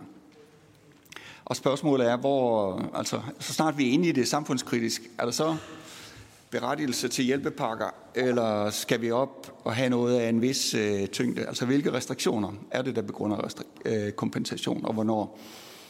Øh, og så ikke det er helt enkelt i forhold til øh, adfærdsreaktioner, for så kan man sige, at hvis ikke nu vi gør noget, men udlandet laver restriktioner, for eksempel rejserestriktioner, så er der selvfølgelig nogle erhverv, øh, også nogle af dem, der har talt her, der er det bliver ramt. Øh, men det er jo stadigvæk helt, ikke helt enkelt, vel? Fordi der kan være mange ting, der sker i udlandet, som påvirker dansk erhvervsliv. Øh, der kan være dårligt vejr, eller det kan være, at der er en lavkonjunktur. Øh, så hvad er det lige, hvor er det, vi sætter grænsen for, at der er en kompensation, og egentlig begynder at diskutere, hvor meget af erhvervslivets risiko skal det offentlige overtage? Og det er i hvert fald en principiel diskussion, vi skal være lidt for, der tror jeg også, at erhvervslivet lige vil tænke lidt over, hvor skal den uh, grænse gå. Så er det også, altså vi har jo masser af restriktioner. Uh, nu har jeg nævnt rygeloven, fordi det er jo en, der i hvert fald rammer restaurationsbranchen. Uh, den er også indført af et sundhedsmæssigt årsag. Skal der, altså, der, der, der øh, hørt masser af protester, da den blev lavet, øh, og påpegning af ting, men, men øh, jeg tror selv ikke øh, kompensation. Og vi har, når der er udbredt smitte, ikke, så kan det være adfærdseffekter, og som kan aflede økonomiske konsekvenser. Også selv i fravær af restriktioner. Men det er også, altså der er også en principiel diskussion. Hvis folk er nervøse, fordi de er bange for at blive smittet, og derfor ikke går i byen, så er det klart, at det har nogle konsekvenser. Men de kan også være nervøse for, at renten stiger, og alle verdens ulykker falder ned om den, og så tager de ikke at købe hus, eller bygge til deres hus, eller hvad det kan være. Så det er også lidt, øh, om man sætter nogle grænser, altså præcedens for, hvornår det er, at det offentlige overtager risikoen. Og så har vi den aktuelle situation. Jeg var, jeg var en lille smule usikker, øh, da jeg læste rapporten, men jeg synes, Jørgen var lidt, øh, sådan hørte jeg, det kan du kan korrigere mig, Jørgen, hvis jeg fortolker noget ind i det, du sagde, men at den aktuelle situation, og vi kan der er jo alle mulige ting derude, men øh, vi ser ud til at være et godt sted, men vi kan ikke udelukke, at der kommer nye varianter, og, og vi ikke er helt ude af det. Så det, det er såkaldt endemisk øh, situation. Altså det kan vel ikke tolkes som en pludselig midlertidig og selv usædvanlig situation. Det har vi øh, nu lært i øh, to år. Øh, og så at, at det vel ikke indeholdt øh, i princip 1.1. Dermed ikke sagt, at det ikke kan have nogle konsekvenser, men i hvert fald tænke over, om det er noget, man har mulighed for at planlægge og, og agere under for. Øh, begrundelserne for at lave øh, kompensation hjælpepakker, det er jo mange. Ikke? Der er noget fordeling, der er noget rimelighed, og så er det efficiens, øh, som økonomer vil kalde det. Det er jo dybest set at undgå, at øh, vi har noget, som bliver systemisk, altså rammer økonomien med sådan en styrke, at det får en selvstændig forstærkende effekt og trækker andre erhverv ned. Og der kan, er udvalget meget positive over for generelle ordninger, fordi de er nemmere at administrere, de er nemmere at forstå, Øh, og de undgår øh, nogle forskellige afgrænsningsproblemer, f.eks. indirekte effekter på andre erhverv og sådan noget. Det er jeg også meget enig i. Men der er stadigvæk et spørgsmål om målopfyldelse, når de er generelle. For de er jo per definition ikke målrettet, og derfor dækker de alle grunden til fald i omsætning. Og også som det fremgår af rapporten, og som også øh, har været frem tidligere i debatten, at selv i et normalt år, og for eksempel 2019, øh, hvor ingen af os har tænkt på corona, der kan man se mange virksomheder, som havde omsætningsfald over de grænser, der var lagt ind i hjælpepakkerne og vil have udløst kompensation. Så der er igen øh, et spørgsmål, øh, og egentlig også, man kunne måske sætte det lidt på spidsen, fordi nu snakker vi new normal i forhold til det sundhedsmæssige, men er der også new normal for økonomisk politik? Hvis ikke der er en meget tæt øh, sammenkobling mellem kompensationsordningerne og eksplicite restriktioner, at vi ligesom har den der glidning i forhold til, hvilken risiko det er, at det offentlige skal overtage, som jo også har statsfinansielle implikationer. Og udover krone- og øre-effekten, er der jo også et opbakningsspørgsmål, om folk øh, opfatter, at de her ordninger de går til noget, hvor de giver mening, eller at de er øh, skyder øh, lidt for bredt ud. Og, der er der et stort spørgsmål, og det er ikke nogen kritik af arbejdsgruppen, for det har de ikke øh, haft hverken, øh, det var ikke omfattet af deres øh, kommissorium, og heller ikke haft tid til. Og det har også været nævnt af nogle af de tidligere Altså, vi har et stort behov stadigvæk for at få gravet noget dybere her i at forstå, hvad har effekterne været af de her hjælpepakker? Hvem, hvad er det for nogle problemer, man har løst med hjælpepakkerne, eventuelt også de problemer, man ikke har løst? Eller selvfølgelig også de problemer, man ikke har løst. Øh, er, der, er der nogen, der har fået støtte, der ikke har brug for det, og omvendt er der nogen, der ikke fik støtte, som havde brug for det? Så der har vi et stort vidensbehov for at videreføre den her diskussion og det spor, der nu er lagt med arbejdsgruppen. Så jeg vil gerne lige sige lidt til sidst omkring forsikringer, og det er et af de punkter, hvor man måske synes, at øh, man i arbejdsgruppen godt kunne have gjort øh, lidt mere ud af det. Fordi hjælpepakkerne, de har forskellige effekter. De har også en effekt på incitamenter og omstillinger. Og hvis der er for generøse hjælpepakker, så kan man jo også øh, få det problem med erhvervslivet, at man ikke tænker på at omstille sig. Og de virksomheder, der fandt ud af at omstille sig øh, under de processer, vi har været igennem, altså, de bliver jo reelt stillet dårligere konkurrencemæssigt, hvis man også øh, støtter dem, der ikke omstiller sig. Øh, og hvis man har noget elementer af selvfinansiering, det kan man diskutere, hvor meget det er, jamen så giver man også en incitamentstruktur til at øh, agere. Og der har I så et punkt, der hedder New Normal, hvor man skal undersøge forsikringsordninger mere. Øh, og der kunne jeg godt tænke mig, at man greb det lidt mere øh, eller tage det lidt mere ind i rapporten, fordi det bliver nemt udlagt som om, at jamen, så tænker vi eksplicite forsikringer, hvor jeg ringer til forsikringsselskabet, og så siger jeg, at jeg gerne have en forsikring imod en eller anden coronarestriktion. Øh, nu er der faktisk nogen der telefoner, der svarer på det opkald. Det er ikke helt rigtigt, at der ikke findes nogen forsikringer. Øh, og bare som et eksempel, Wimbledon havde faktisk en forsikring, hvor de havde en øh, betingelse i forhold til aflysninger på grund af forskellige ting herunder sundhedsmæssigt. Så de fik faktisk en erstatning. Så det findes. Men det er rigtigt, det er et tyndt øh, forsikringsmarked, men det er jo også et marked, der måske kunne blive stærkere. Men der er masser af elementer af andre typer forsikring. Selvforsikring, der har også været nævnt. Virksomheder arbejder stødpuder, løn, låntagning osv. Men der, er jo også, der foregår jo i dag rigtig meget øh, implicit forsikringer i erhvervslivet i den måde, kontrakter er udformet på. Man deles om risiko. Det mest oplagte, det er selvfølgelig med ens øh, pengeinstitut, at man deler noget risiko, eller ejerne, man deler risiko med. Men der er også øh, i leverandørkontrakter osv., der er der reelt øh, noget risikospredning. Så når vi er på vej ind i en ny endemisk situation, så er der også nogle ting i erhvervslivet, generelt set, der vil, øh, der vil tilpasse sig. Så er det også rigtigt, at man kan have implicit forsikring via det offentlige, og det kan også være nogle argumenter for, fordi der er nogle forsikringselementer her, som øh, det private marked ikke kan, kan løfte. Der synes jeg bare lige forsigtigt vil sige, at de, de arbejder, der findes derude i litteraturen omkring det, de siger jo også, ja, det kan man godt, men så skal man huske på, i de gode tider, så skal man bidrage noget mere til det system, sådan at det kan tage sig af en øh, i de dårlige tider. Og for det offentlige bidrage noget mere, det betyder jo strengt taget at betale noget mere i skat. Og det ved ikke lige, om det er det, man mener, når man siger, at man skal vælte øh, risikoen over på det offentlige. Øh, og endelig til sidst, så er der jo et dilemma her, øh, som har at gøre med den politiske økonomi omkring det her. Fordi hvis der er en udbredt forventning derude om, at det offentlige vil støde til med hjælpepakker, så er der selvfølgelig mindre incitament til selv at finde ud af nogle af de her løsninger. Og så havner man politisk nemmere i den situation, at det er ryggen mod muren. Enten giver man hjælpen, eller også så falder der en masse ulykker ned. Så det er også øh, derfor lidt vigtigt at få det her tænkt øh, igennem i rolige tider, så der er nogle klare signaler til erhvervslivet, hvad de selv står for, og hvad det kan være, at øh, der kan være kompensation til, og under hvilke betingelser. Ja, tak for ordet. Tak for det til Torben Andersen. Og vi øh, tager så sidste indeksholder her. Øh, FSR, Dansk Revisor, øh, Thomas Grat Jørgensen. Og så kan jeg samtidig sige, at øh, jer, der er med derude digitalt på Teams, I må godt begynde at skrive i chatten, hvis I ønsker ordet her efterfølgende. Men øh, værsgo til dig, Thomas. Tak for det, øh, Annie. Og jeg, jeg øh, hedder Thomas Grat Jørgensen, og jeg repræsenterer revisorbranchen i Danmark. Øh, og tak for muligheden for at deltage i den her følgegruppe og for at præsentere vores synspunkter på rapporten her i dag.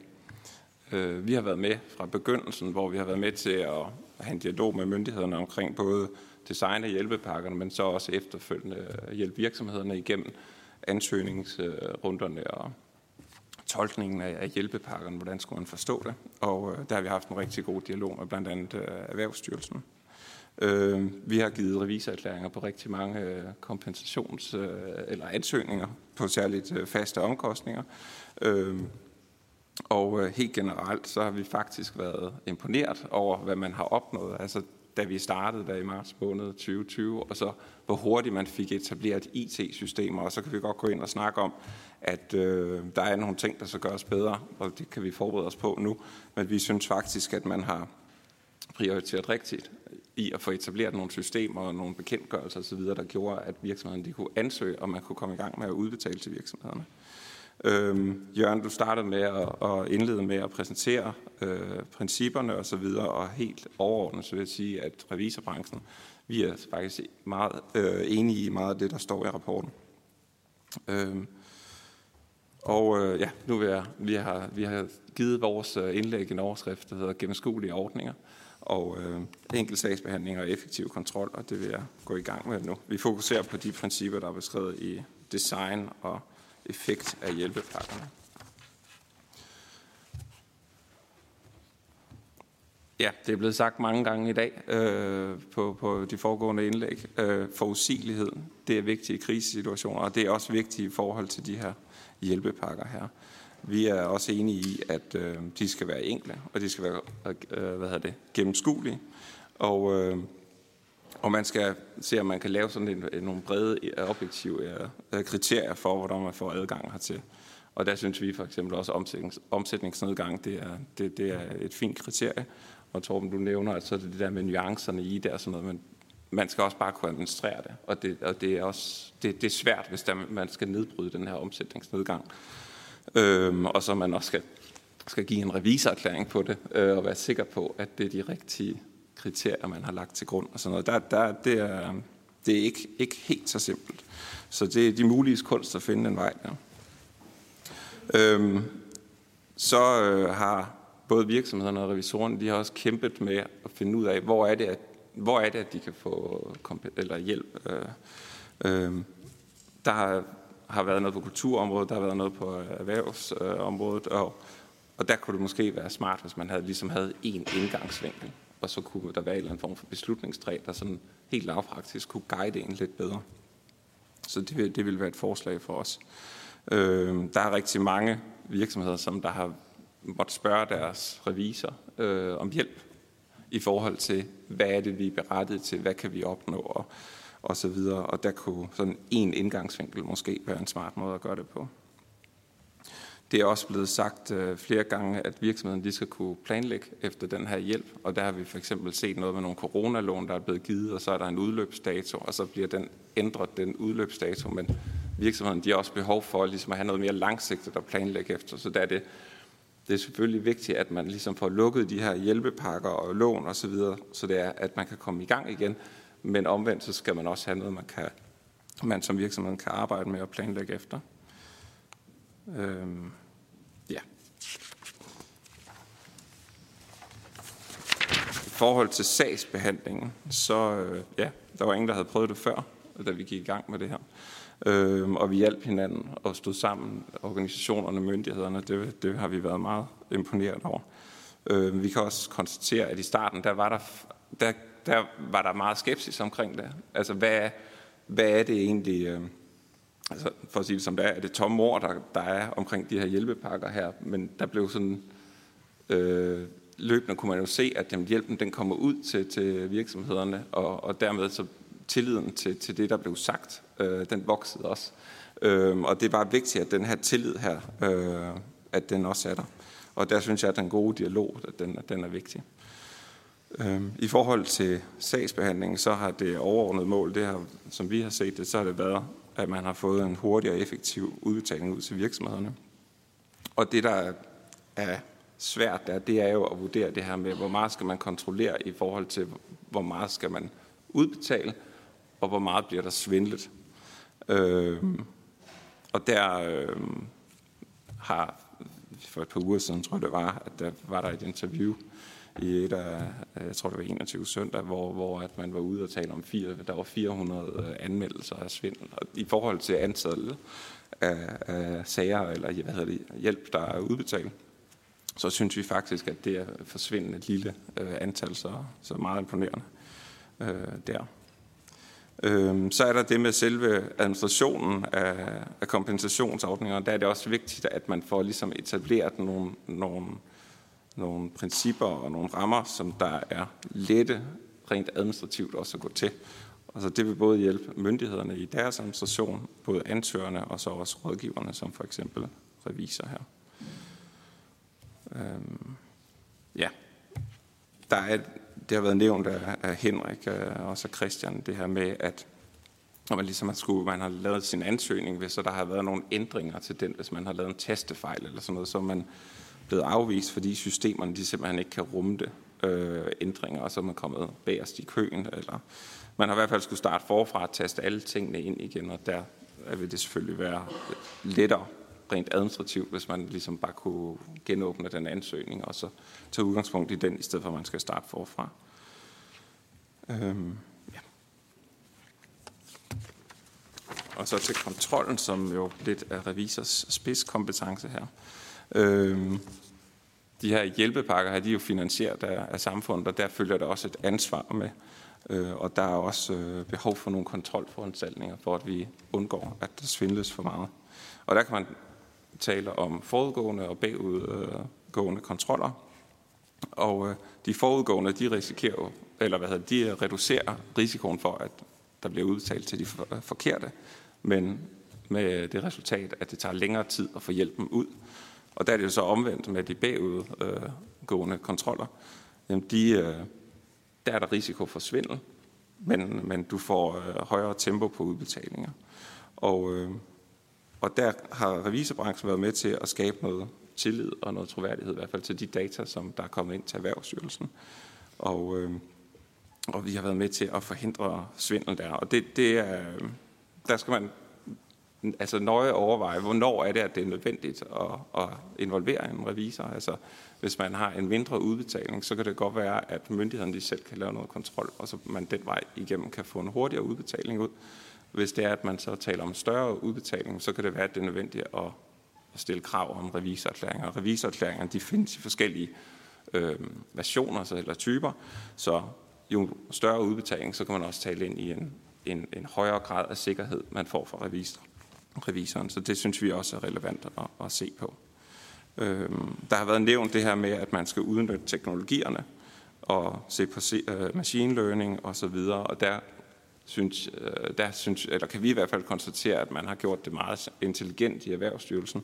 Og som jeg tror, det var Henrik, der også nævnte det her, man skal selvfølgelig passe på med, at når der er, man bruger sådan noget machine learning og datasamkøring, så skal der være nogle, nogle rammer omkring, hvordan sådan nogle systemer de, de øh, skal fungere. Men man må bare konstatere, at det er meget, det har været meget effektivt, og man har kunnet målrette sin, sin øh, sagsbehandling øh, og, og kontrol på de steder, hvor der har været øget risiko. Øhm, ja. Så, så rent lavpraktisk, så kan vi konstatere også, at det med slutafregningen, det kommer meget sent, men, men, og der kunne man måske ønske, at det kom lidt, lidt tidligere, så man fik lukket tingene, men der har man igen prioriteret at få noget sagsbehandling af ansøgerne og få udbetalinger ud, og det synes vi også har været den rette øh, prioritering. Så opsummeringen fra revisorbranchen, det er det her med gennemskuelighed og forudsigelighed, enkel administration og en effektiv smart kontrol betyder ikke en revisorerklæring på alt, men øh, en revisorerklæring der, hvor det giver mening, hvor der er større risiko og større udbetalinger. Tak. Tak for det, Thomas. Så nåede vi rækken igennem. Øh, og jeg vil egentlig lægge op til nu, at øh, folketingsmedlemmerne får lov til at starte, fordi ellers ved jeg så, øh, jeg, for at sige direkte, er lettere at have med at gøre bagefter i erhvervsudvalget, hvis man øh, servicerer dem først. Øh, og så tænker jeg efterfølgende, at så åbner vi også op for, at øh, eventuelt nogle af tilhørende i salen kunne komme til ord, eventuelt øh, med nogle kommentarer, korte, eller for den sags skyld spørgsmål. Og der har vi så en, der hjælper med at komme rundt med en mikrofon. Og der vil jeg rigtig gerne have, at når vi når der til, at I lige rejser jer op og siger, hvem I er, inden I stiller spørgsmål. Og at folketingsmedlemmerne også indleder med at sige, hvem de stiller spørgsmålene til. Fordi øh, vi kan simpelthen ikke nå at komme hele rækken igennem. Så nævn gerne et navn, maks to, som I gerne vil stille spørgsmål til. Vi tager fat. Øh, Alex Vandopslag fra Liberal Alliance først. Værsgo, Alex. Tak for det, og øh, jeg kommer til at skulle gå tidligt, fordi vi har gruppemøde i Liberal Alliance. Hvis jeg bliver væk fra det, så er det 33 procent af gruppen, der ikke er der. Så det, det er lidt en udfordring, men det er ikke for at være uhøflig. Øh, først og fremmest uh, tusind tak for, for jeres opråb i dag. Uh, jeg synes, det er både et uh, klogt og et rimeligt uh, ønske, at, uh, at man ønsker det her retskrav på en forudsigelig kompensation for restriktionerne. Så det er jeg sådan set øh, fuldstændig øh, enig med jer i, og I skal endelig bare blive ved med at råbe op, fordi det vil være... Øh, øh utilgiveligt, hvis, hvis ikke der kommer det her øh, retskrav. Nu skal du ikke være rygklapperi det hele, så jeg vil egentlig gerne udfordre jer lidt alligevel. Og det er i forhold til, hvornår øh, og på hvilke betingelser man så skal have den her øh, kompensation. Torben var en smule inde på det, altså at vi jo ikke skal ind i en situation, hvor man giver hjælpepakker, for så er det jo hjælpepakker for adfærdsændringer. Jeg, jeg, jeg mindes, at øh, tilbage i november, inden der overhovedet var nogen restriktioner, at så var en af erhvervsorganisationerne ude at sige, at nu begyndte folk at aflyse julefrokoster, og derfor skulle der være hjælpepakker. Der var nul restriktioner, men der var adfærdsændringer, og der ønskede man øh, hjælpepakker.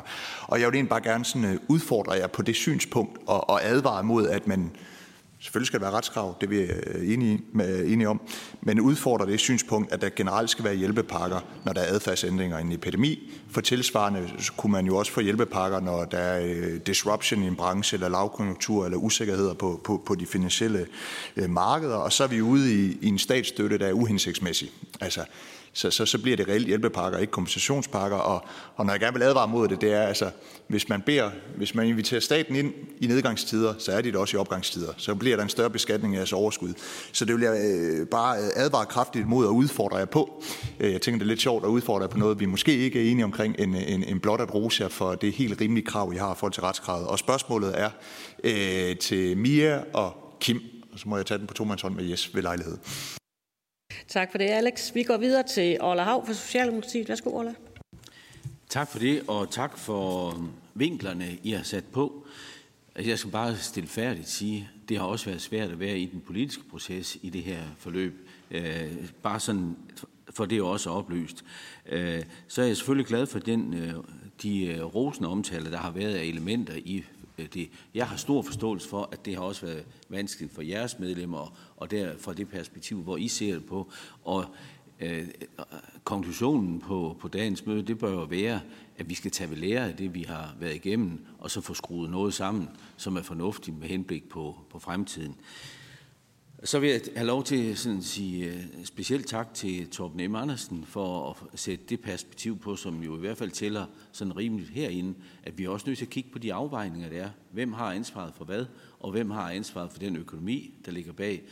Og i min lægemands tilgang til det, så, så øh, er jeg ikke færdig med at tænke over, hvordan bruger vi forsikringselementet her. Jeg synes ikke, staten er oplagt driver af et system, som øh, er kompensation ordninger og øh, indbygge de øh, retskrav, som vi gerne vil have bygget ind. Det synes jeg, at forsikringsbranchen kan nogle andre ting, øh, som øh, vi bør overveje, hvordan vi kan til. Det er ikke sikkert, at man kan, kan, kan gøre det sådan en til en i forhold til, øh, hvad hedder øh, oversvømmelsesforsikringer og sådan nogle ting. Men jeg tror, der er andre måder at gøre det på, og det vil jeg gerne øh, slå et slag for, at vi får, får gravet lidt i i den følgende proces.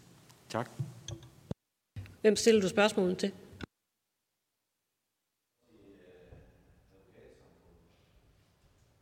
Godt. Vi går videre til Torsten Schack Petersen fra Venstre. Værsgo, Torsten. Tak for det, og tak fordi I, øh, I stiller op. Øh, en af årsagerne til, at, at jeg bad om, at vi skulle afholde sådan en høring, det var, at øh, lige pludselig gik det meget stærkt igen. Det, der skete i marts 2020, var én ting, og vi anede ikke, hvad vi stod overfor. Men vi får rapporten udleveret den 30. december, har en teknisk gennemgang den 6. januar i Erhvervsministeriet og skulle ligesom aflevere vores spørgsmål med frist øh, kl. 16 dagen efter. Øh, og der må jeg bare sige, øh, det hastværk ser jeg absolut ikke nogen grund til. Øh, og det er jeg glad for, at I er med til at bringe noget oplysning, noget faglighed øh, og et ordentligt beslutningsgrundlag ind i en ret øh, alvorlig øh, situation og øh, beslutninger, som kan jo række 10 år ud i, i fremtiden. Så tak for, øh, for det. Øh, Der er rigtig mange spørgsmål, der, øh, der øh, presser sig på. Der er sagt rigtig mange gode ting. Jeg skal prøve, om jeg kan øh, målrette det øh, så præcist som muligt. Øh, det kan godt være, at øh, Henrik Rode, det er dig, jeg vil spørge lidt ind til i forhold til betydningen af den gamle paragraf 27, øh, som der har været meget diskussion om, øh, i forhold til, om det kun har været ved ekspropriative indgreb, eller det har været generelt. Og så også ligesom sige, hvornår er der en, altså hvornår bliver en restriktion så, eller hvad er forskellen på en restriktion og et tvangsindgreb? Øh, I forhold til restauranter og caféer, der har været, eller natteliv, der har været tvangslukket i 21 måneder, hvornår kommer man så langt ud, at, øh, at man ligesom bevæger sig over i noget, der ikke kan kompenseres, men måske nærmere øh, erstattes. Og så til Jørgen Elmeskov. Øh, det var en særlig situation i Nordjylland. Øh, det var godt nok egentlig kun en henstilling om, at medarbejderne ikke måtte krydse kommunegrænser. Øh, det var kun en henstilling. Øh, men Nordjylland er jo øh, ansvarlige øh, borgere, og rigtig mange virksomheder skilte medarbejderne ad. Dem, der var på den forkerte side af kommunegrænsen, de måtte blive hjemme. Det påførte jo helt åbenlyst virksomheder øh, omkostninger til overarbejde, fordi man skulle ligesom levere sine ordre, og man fik folk til at arbejde i treholdsskift og 12 timer og sådan noget. Og der var ikke nogen dækning af de omkostninger. Og der er det så, er det noget, som i jeres arbejde, at man sige, en dokumenteret mere omkostning, er det noget, I vil anbefale? Eller er vi så over i, i de ting, som erhvervsorganisationerne har talt om, at det er der, hvor retskravet skal komme ind, hvad enten det er et tab øh, eller en omkostning. Er det, er det det, som er, er dækket i forhold til det? Øhm, og et sidste spørgsmål for at begrænse det, øh, det er i forhold til rækkevidden af, hvornår der kan laves kompensationer. Jeg er jo helt enig med, med, med Alex i, at øh, det er jo ikke bare en gavebod og kan tage selv, men der lader sådan til at være en konsensus om, at generelle ordninger er det, det letteste at håndtere. Jeg kan huske underleverandører og alt muligt andet, vi har kæmpet med. Men nu tog Kim øh, øh Hagren jo øh, det, det konkrete eksempel. Der er jo stadigvæk nogen, der kan påse at være ramt af nogle restriktioner, eksempelvis øh, flybranchen. Hvad gør man så? Hvad er jeres anbefaling? Er det jamen det er ikke en samfundskritisk sygdom, det er udefra kommende, så det er bare new normal, eller er det noget, der også på grund af indrejserestriktioner bør være kompensationsudløsende? Tak. Tak for det, Torsten. Så er det Mona Jul fra Konservativ Folkeparti. Værsgo, Mona. Tak skal I have. Og tak for god gennemgang. Jeg har et spørgsmål til Justitia eller Advokatsamfundet. Det kan være, at I begge to har lyst til at svare på det. Det er det her øh, spørgsmål, som øh, DRC også bringer op i forhold til ekspropriation. Hvornår er der egentlig tale om ekspropriation i forbindelse med øh, den pandemi, vi lige har været igennem her? Øhm, og, øhm, og hvordan får vi dækket det godt nok af lovgivningsmæssigt til næste gang, når vi netop har set, at der har været virksomheder, der har været lukket ned i måske 20-21 måneder ud af 24. Hvornår er der egentlig tale om ekspropriation? Og jeg tillader mig at spørge om det i den her høring, også fordi der spurgte også øh, gruppen om det, og, øh, altså arbejdsgruppen og, og udvalget sidst vi havde et lille øh, møde om det. Og så vil jeg også bare sige tusind tak for, for, for al den hjælp, vi alle sammen har ydet under den her store, store øh, ja, kæmpe store sag, vi har kørt i to år nu. Øhm, og bare et lille hip herfra. Øh, arbejdsgruppen kan selvfølgelig ikke gøre for det, men jeg anerkender simpelthen ikke, at vi ikke skulle have haft retssikkerhed med i forhold til den arbejdsgrupperapport. Hej. Hej hej derude, Mona. Så er det Katrine Ropsø fra Radikale Venstre. Værsgo, Katrine. Ja, tak, og, øh, og også øh, tak herfra, fordi I er kommet alle sammen i dag. Øh, det er rigtig vigtigt. Øhm, det er nogle ret store overvejelser, vi har i det her, øhm, og, og nogle af jer er meget inde på noget af det, der er det, der har været, og det, der er sket, og jeg kan godt ligesom fornemme, at der måske er lidt yderligere behov øh, for evaluering af, hvad der ikke øh, virkede, og hvor det gik galt. Øh, det, det tror jeg er, er ligesom en del af hele diskussionen, fordi det er rigtig vigtigt, at vi selvfølgelig finder ud af, øh, hvad, der ikke har, øh, hvad der ikke har virket, og hvad der har været, øh, været godt. Øh, men, men jeg er nok lidt enig i, at jeg håber i hvert fald ikke, det her er noget, vi skal bruge øh, om fem år øh, igen med en ny øh, epidemi, der lukker øh, samfundet helt ned, og derfor så øh, står vi jo lidt i at skal lave noget lovgivning til noget, vi ikke helt ved, hvad er. Og, øh, og derfor så har jeg i hvert fald med interesse øh, holdt øje med, hvad det er kommet med over fra advokatsamfundet og, og Justitia. Og jeg kunne egentlig godt tænke mig at høre måske bare lige Kim og Jes til øh, meget konkret ind til, hvad er jeres holdning til det forslag, der er kommet der i forhold til balancerne mellem retssikkerhed og, og så den fleksibilitet i forhold til, at vi ikke ved, hvilken fremtidig øh, mulig nedlukning der vil være, og hvad der overhovedet. Jeg tror, det er fordi, vi alle sammen sidder lidt og tænker lige nu i, at vi ved, hvad vi har været igennem. Og det er ligesom det, vi kan forholde os til. Men det her skal jo også gerne kunne være fleksibel nok til også at kunne fungere i, øh, i andre helt øh, uforudsigelige øh, situationer. Så derfor kunne jeg godt tænke mig at høre jeres øh, sådan lige, så må jeg tage den med andre øh, på et andet tidspunkt. Tak. Tak for det, Katrine. Så er det den sidste, Mette Jermin Dænger fra Dansk Folkeparti. Værsgo, Mette. Tak for det. Og tusind tak, fordi I ville komme alle sammen. Hvor er det bare dejligt at have fået det her indblik. Og, øh, og jeg havde jo bare en hel masse spørgsmål, fordi når jeg nu endelig har jer alle sammen, men, uh, så blev jeg jo lidt begrænset, at jeg kun måtte stille det til to. Uh, jeg er nemlig meget nysgerrig på det her med um, kompensation, som mine kolleger de også har været inde på. Fordi hvis vi, øh, hvis vi ser fremadrettet i andre situationer, så allerede nu, som året er startet, så, så, er det jo ikke, så ser det jo ikke alt for godt ud, hverken når man kigger på sine aktier, eller når man kigger på benzinpriserne, eller når man ser på øhm, øh, elpriserne og alle de ting. Så sådan som året er startet, så tænker jeg, at øh, der er i hvert fald grobund for, at folk de begynder at droppe alle de der nice to ting, når øhm, benzinbudgettet lige pludselig begynder at fylde rigtig meget, og, øh, og madbudgettet og elpriserne. Øhm, så, øh, så jeg kan i hvert fald øh, jeg kan i hvert fald frygte, at det kan gøre, at folk de går mindre på restaurant, går mindre til kosmetolog, frisør, alle de der mindre erhverv. Øh, rejserne dropper man, øh, hotelophold osv. Øhm, så derfor så vil jeg godt høre jer, Øh, også i forhold til, hvad, hvad Alex var inde på, hvornår, hvornår skal man kompensere for en adfærdsregulering? Og en anden ting er, i forhold til, øhm, til corona, der var der jo anbefalinger kontra restriktioner. Og øhm, der ved jeg i hvert fald, at i Sverige, hvor der stort set ikke var nogen restriktioner, der var virksomhederne meget udfordret af, at der var anbefalinger – at man anbefalede folk ikke at gå på restaurant, fordi så mistede restauranterne omsætning, men de kunne ikke, de kunne ikke få noget kompensation, fordi de var jo ikke lukket ned. Det var jo bare anbefalinger.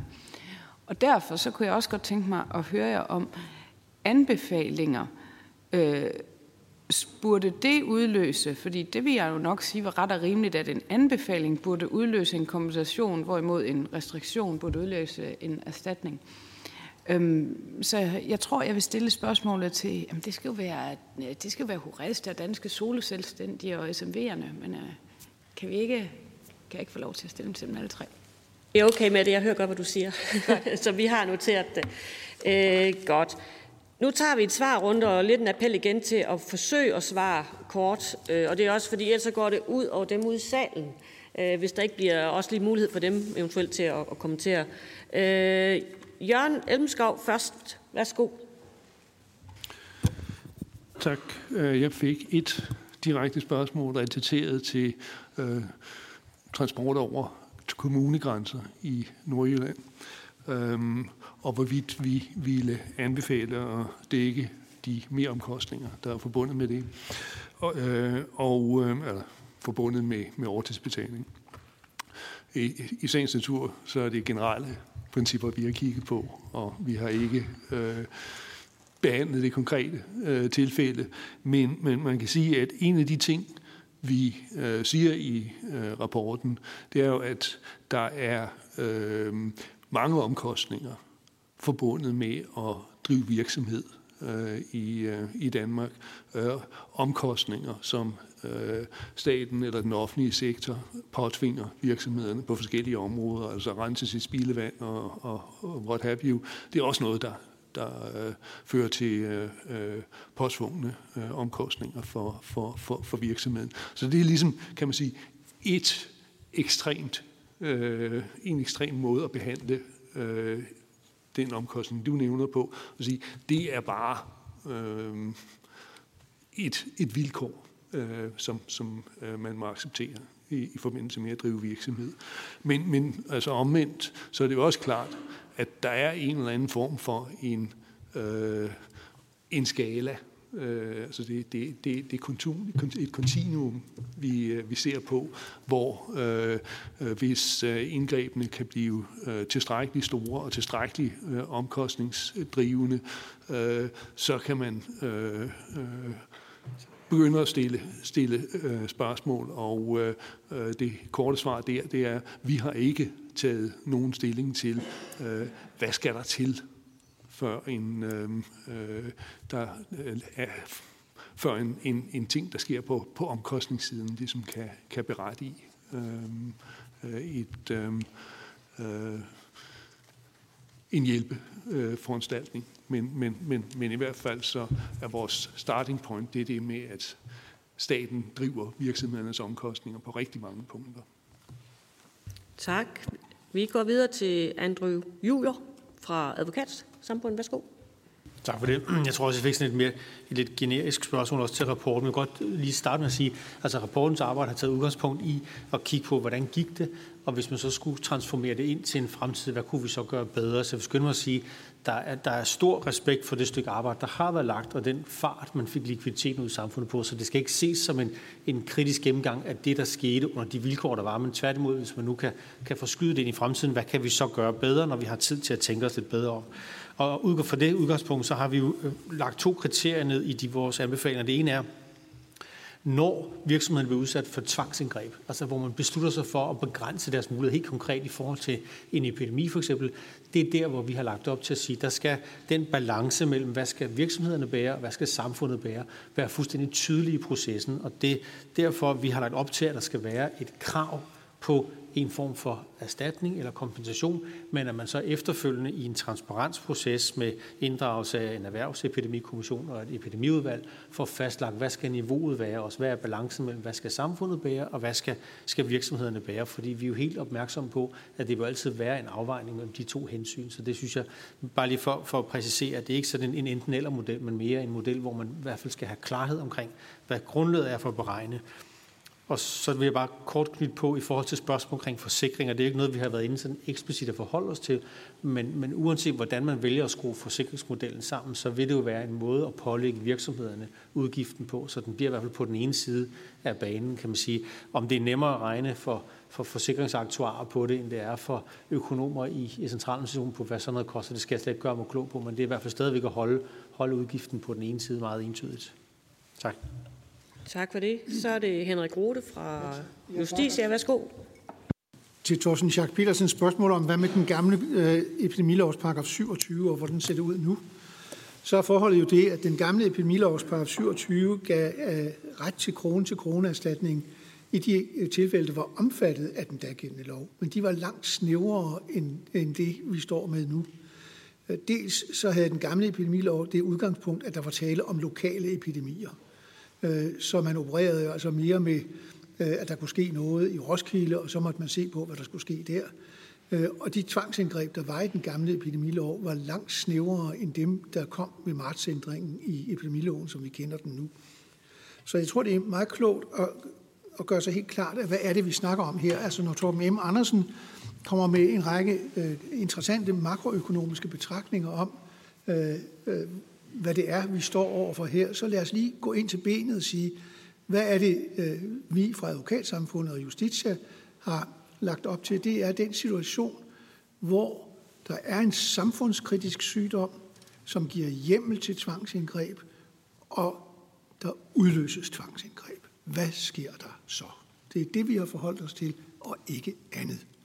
Og i den situation, siger vi, der må virksomhederne have Øh, en bundsikring i lovteksten i form af, at man har krav for på kompensation eller erstatning i et eller andet omfang, som så skal afvejes over for samfundsøkonomiske hensyn. Men så ved virksomhederne i hvert fald, at når der kommer et tvangsindgreb, som påvirker deres situation, jamen så er der i loven indbygget en mekanisme, som sætter en proces i gang.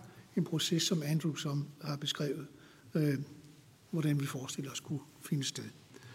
Så altså, der er meget stor forskel på adfærdsregulering og så regulering som følge af tvangsindgreb, og det er det sidste, vi har koncentreret os om.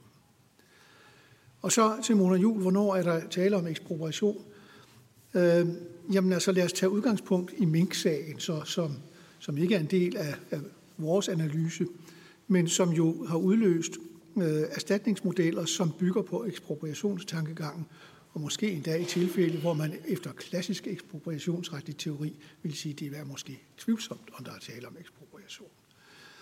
Men øh, restaurationsbranchen har jo fremhævet øh, problemet med natklubber, der har været lukket ned i 22 måneder ud af 24. Er vi så ikke der, hvor der reelt er tale om, øh, at erhvervet er lukket ned på en sådan måde, så man i virkeligheden har frataget den erhvervsdrivende muligheden for at drive sin forretning, og så begynder vi at nærme os grænsen for ekspropriation. Men det, der er problemet her, er jo, at når vi taler ekspropriation, så er det jo normalt noget om at ekspropriere jord til jernbaner og lignende.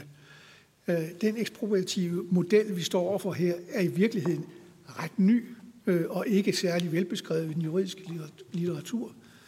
Men udgangspunktet må være, at hvis man totalt berøver nogen muligheden for at drive sit erhverv, så nærmer vi os grænsen for ekspropriation, og mere præcis kan det vist ikke fastlægges. Resten ligger hos domstolene, hvor langsomme de end måtte være. Tak for det. Vi går videre til Kim Hagren fra Dansk Industri. Ja, tak for det. Øhm, og øh, jeg vil starte med, ja, nå, Alexander forløb, men det var jo også adviseret. Øhm, egentlig bare sige, at virksomheder er jo vant til regulering. Altså, vi er jo vant til at blive reguleret på alle mulige punkter, også ting, som koster mange penge, og, øh, og det tager vi jo på os. Altså, miljølovgivning er et rigtig godt eksempel. Jeg forstår ikke lige rygeloven, der blev nævnt på et tidspunkt med den, men, men jeg vil sige, at miljølovgivning er et godt eksempel på noget, som faktisk jo vi accepterer ligger bredt ned over, os, fordi vi kan se værdien i det. Det indregner man i sin forretning. Det er den måde, man normalt gør ting på. Men det er jo ikke det, der er tilfældet her. Altså her er der kommet noget, som vil smitte over virksomheden, de ikke kan forudsige. Øhm, og det, det kan man ikke, altså de her midlertidige restriktioner, der kommer ned. Vi er ikke et sted nu, hvor vi kan diskutere new normal. Altså vi er langt derfra, vi er midt i det stadigvæk. Vi er lige på vej ud af, at verden er stadig lukket ned rundt omkring os. Så det med at diskutere, at vi er der nu, det synes jeg er, det er meget tidligt, og det kan virksomheden slet ikke agere i på nuværende tidspunkt. Så det er vigtigt, at vi stadigvæk holder hånden under dem. Og som Thorsten også siger, der er altså brancher derude, der stadig lider, øh, både på hjemmefronten og også dem, som har et mere internationalt sigte, de er der stadigvæk. Øhm, så vil jeg sige omkring forsikring, bare lige sige, jamen det er selvfølgelig rigtig vigtigt, at vi kan diskutere forsikringsbranchen omkring det. Jeg vil bare sige det, som jeg tror også, øh, som blev sagt for ved Danmark, altså virksomheder ligger ikke med store stødpuder, slet ikke de små og mellemstore virksomheder, de ligger med de der store stødpuder. Og så er der jo allerede i dag krav om i selskabslovgivningen, at man skal have en kapital, en forsvarlig kapital, øh, så de opererer jo alle derude med at have noget. Det er jo ikke sådan, at, at, de, øh, at de ikke har, de skal drive deres forretning forsvarligt. Hvis man lægger yderligere krav ned over dem, det tror jeg, så mange kan altså ikke overleve og klare. Så det er, det vil sige, den balance skal man være meget, meget forpasselig med at, øh, at gå ud af. Øh, det er særligt på det område her, der, der, der er det altså ikke en, sigt, en løsning på, på øh, hverken kort eller lang sigt, efter min mening. Og så øh, til Katrine vil jeg sige, jamen altså, vi skal jo, det er jo super svært. Altså, det, det er super svært. Øh, men jeg tror, det vi kan lære, det er nogle af de scenarier, vi har været igennem nu. Hvad skal det gøre? Hvornår kommer vi ind i nogle scenarier? Hvad er det, vi styrer efter? Og det skal vi have en diskussion af. Så kan man sige, at samfundet hænger sammen med kompensationsordninger på den måde, vi agerer på som samfund. Og det er jo det arbejde, der skal i gang, og det er det, vi skal tage os tid til og ikke gøre over 14 dage osv. Altså, det, det er jo virkelig det, vi skal tage os tid til nu at gøre ordentligt og tænke igennem alle de scenarier, vi har igennem. Fordi det viser sig jo, at der er rigtig mange, der falder igennem undervejs, og dem skal vi altså ikke øh, skylde ud med badevand nu. Så tror jeg, jeg vil give tiden videre. Tak. Så er det dig, Jes, fra Dansk, oh, fra Dansk Erhverv. Værsgo. Tak skal du have. Øhm jeg glemte helt at sige tak, Thorsten, fordi det er virkelig vigtigt, at du har sat den her proces i gang for at få det her arbejde gjort grundigt og ordentligt. Og det er også klart udtryk for her i panelet i dag, at det er der et behov for. Og lidt ligesom hvis man tager noget efteruddannelse, så, så er det moderne undervisningsmetoder, det er sådan rigtig meget cases. Og jeg kunne virkelig godt tænke mig, at der var nogle cases, man fik bearbejdet i det her forløb, fordi der er virkelig, virkelig nogle absurde cases, man kunne tage op og få diskuteret ordentligt, og så tage noget erfarings opsamling ud fra dem og arbejde videre med. Øh, fordi Katrine, til dit spørgsmål, øh, som jeg forholder mig til isoleret set, så, øh, så tror jeg, at Andrew var meget inde på det. Altså jeg tror, at det handler rigtig meget om det her med at få nedsat, om vi så kalder den en erhvervsepidemikommission, øh, eller vi kalder den en epidemikommission. Øh, det er jeg ikke så optaget af. Øh, jeg er mere optaget af, at vi får den her den her sammensætning, hvor vi faktisk måske i virkeligheden ikke venter til, at vi kommer uheldigvis til en situation, der kan ligne det igen, men at vi allerede løbende har nogle diskussioner af, hvad, hvad de erfaringer, vi har haft allerede nu, og prøver på baggrund af det, og så få proppet nogle, nogle mekanismer ind, noget automatis, automatisering, som, som, øh, som øh, Mia var inde på i forhold til det her med, med retssikkerheden. Så det ikke er ligesom sådan en, en ny diskussion hver gang. Øh, det er simpelthen det, det tætteste, jeg kan komme på at give dig et konkret svar på et, øh, et meget vanskeligt spørgsmål. Tak for det. Mia Holstein. Ja, tak. Øhm, I forhold til Alex' spørgsmål, altså hvornår, jeg tror endda, han fik sagt hjælpepakker, jeg havde foretrukket kompensation, men hvornår er det, øh, de skal træde i kraft? Så mener jeg, at øh, det er jo, når den samfundskritiske sygdom øh, er udløst, og når man får frataget sin mulighed for at drive en lovlig virksomhed i en periode, jamen der skal man sikker, være sikker på, at der kommer den her kompensation. Og det Mette Denker var inde på, det var, øh, er det anbefalinger og restriktioner, som jeg forstod det. Altså, hvornår er det, det udløses? Der kunne vi se på julefrokosterne for eksempel. Øh, hvis, øh, hvis vi skulle til Søren Brostrøms, øh, vil jeg sige, dødbider af en julefrokost, hvor at man skulle have åbne vinduer og sidde med afstand, og det skulle slutte før kl. 23, og hvordan ellers var regler til Søren Brostrøms julefrokost. Øh, og hvis regeringen opfordrer til, til lignende ting, jamen så mener jeg, at vi er meget tæt på at være der, hvor at øh, en anbefaling bliver et påbud. Så derfor synes jeg, at der er en, øh, en, en, øh, en, øh, en glidende overgang, hvor at det er utrolig vigtigt, at vi ikke har arbitrære forhold, som går ind øh, og gør, at øh, politikere kan skalte og valte med borgernes liv, uden at det har konsekvenser. Og det er jo netop det, der er pointen med, med retskravet, det er at tvinge politikerne til at tænke sig om, før de laver øh, indgreb, at der er en økonomisk konsekvens. Og i forlængelse af det, synes jeg, det er vigtigt lige i forhold til Torben M. Andersen, jeg synes jeg, øh, jeg er overrasket over, at du ikke kom mere ind på øh, det her med, hvad der sker. Øh, hvor, hvorfor det er så vigtigt, at pengene hurtigt finder ud der, hvor de skal hen. Altså efficiensdelen af det, du nævnte meget kort. Og hvad der sker med iværksætterlysten i et land, hvis man skulle øh, tvinges øh, blandt små virksomheder til at lave den her enorme opsparing, som, som det kræver. Øh, og nu har vi jo talt med de syv største forsikringsselskaber og spurgt dem, om de var interesserede i at oprette sådan en forsikring, og det var et klart nej for alle sammen. Blandt andet på grund af det her med, at der ikke, som jeg nævnte, findes et genforsikringsmarked. At man ikke øh, har nogen, hvor man kan hente de penge, hvis man bliver ramt af en pandemi, fordi en pandemi selv sagt rammer hele landet. Så der er ret stor forskel på Wimbledon, og hvis der skulle lukke noget ned på grund af et sundhedstilfælde der, og en pandemi, der rammer hele verden. Tak. Tak for det. Tom Carstensen, værsgo. Det er også øh, blandt andet til dig, øh, Mette. Øhm, du rammer meget godt med det med nice to have, blandt andet i vores segment i hvert fald. Vi har masser af behandlere, øh, for det synes folk, der optræder til, til, til julefrokoster og så videre, og så går det jo meget videre over i det, som Alex siger med, med, med, med her i november var alt åbent. Ja, men der er også en politisk retorik, der gør, at folk bare bliver hjemme eller holder igen, og det er jo det, der rammer øh, vores folk. I det, Vi har tonsvis af behandlere, som har skrevet til os om, at de har nedgang på 50 procent, vi havde i sidste uge, og det er fordi, og nu, nu er det så også, fordi folk så ikke kommer, fordi de får corona, øhm, øhm, øhm, og så også, som jeg peger på, det her med samfundskritisk sygdom, for der vil jeg jo også sige, at så længe det er en samfundskritisk sygdom, så må man også antage, at den er kritisk for erhvervslivet og de små og selvstændige. Øhm, så det er svært, men, men det er bestemt ikke forsvundet, øhm, det her, det her øh, behov. Selvom, selvom alt har været åbent, så har der i den grad været masser af mennesker, som har været hårdt ramt, og derfor så har der stadig været et behov. Og jeg tror ikke, man behøver at være så nervøs for, at der er en masse, der kommer til at misbruge det, i hvert fald i vores segment. Vi har haft rigtig mange, som har haft så mange kampe med det her system, at der er også mange, der simpelthen bare har lade være, så, fordi det har været så svært at danse med Erhvervsstyrelsen. Så jeg tror ikke, der er mange, der bare gør det for sjov, vil jeg sige. Det har vi ikke oplevet. Tak for det. Torben Hoffmann. Øh, ja tak. Jamen, det er jo selvfølgelig en grænsedragning. Øh, hvornår skal der udbetales øh, kompensation? Vi har jo meget kigget på restriktionerne, som var, var omsætningsdrænende, fordi lige pludselig skulle forholde os til øh, særlige lukketider og arealkrav osv. Men altså, vi kan jo heller ikke tage ud af ligningen, at anbefalinger jo også har øh, haft en, øh, en effekt. Og vi er jo altså et land, hvor danskerne generelt lytter til, hvad der bliver sagt, følger de anbefalinger, der, der, der kommer fra regeringen. Det vil sige, hvis, hvis, hvis man bare smed det derud og nogle stykker, så det gør vi, og resten var stort set ligeglade, men det er jo bare ikke det, der er billedet. Så når vi har en situation, at der kommer anbefalinger om, at man skal arbejde hjemmefra, så ved at vi har nogle frokost- og cateringleverandører, som synes, at det er ikke så godt. Øh, fordi det er faktisk hele deres forretningsgrundlag, der forsvinder der. Når vi har anbefalinger om, at man skal overgå fra buffet til portionsservering, så er den samme gruppe erhvervsdrivende, kan ikke se, hvordan de skal løse det, fordi de har ikke hænder nok til det. Så de anbefalinger, der kommer, har en effekt. Og det man måske burde gøre, fordi jeg er sådan set enig i, at det er jo ikke alle anbefalinger, som man skal kunne støtte ret på, eller, eller sige, at det, det er problematisk, og man må også tåle noget som erhvervsdrivende og finde ud af at få det til at fungere. At der er jo ikke nogen af dem, som, som, øh, som, som vi repræsenterer, der har noget ønske om at være på en kompensationsordning. De synes, det er skrækkeligt. Altså, de føler sig umyndiggjort og, og ikke får lov til at, at gøre det, man allermest har lyst til.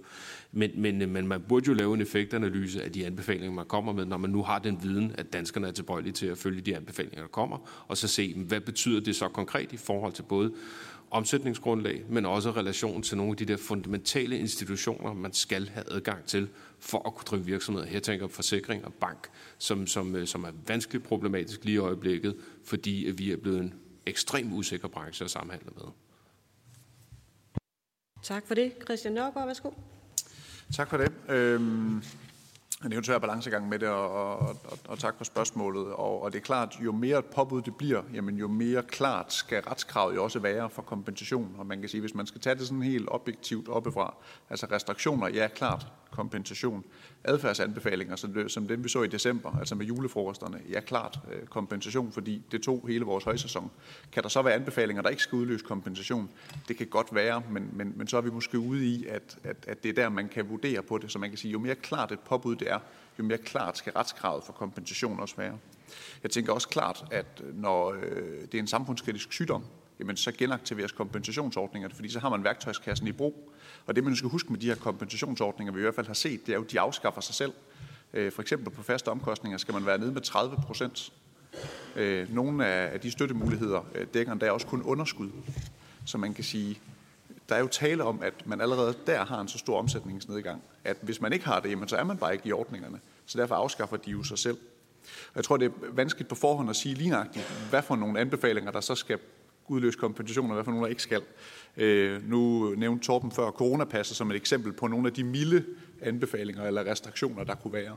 Og der må jeg bare sige, altså i foråret 2021, hvor man indførte coronapasset, Mm, hvor der ikke var ret mange vacciner, og hvor testkapaciteten øh, var utilstrækkelig, der var coronapasset en kæmpe stor restriktion, fordi der var ikke øh, adgang øh, til restauranter, hoteller med videre, som, som, som der skulle kræve coronapas.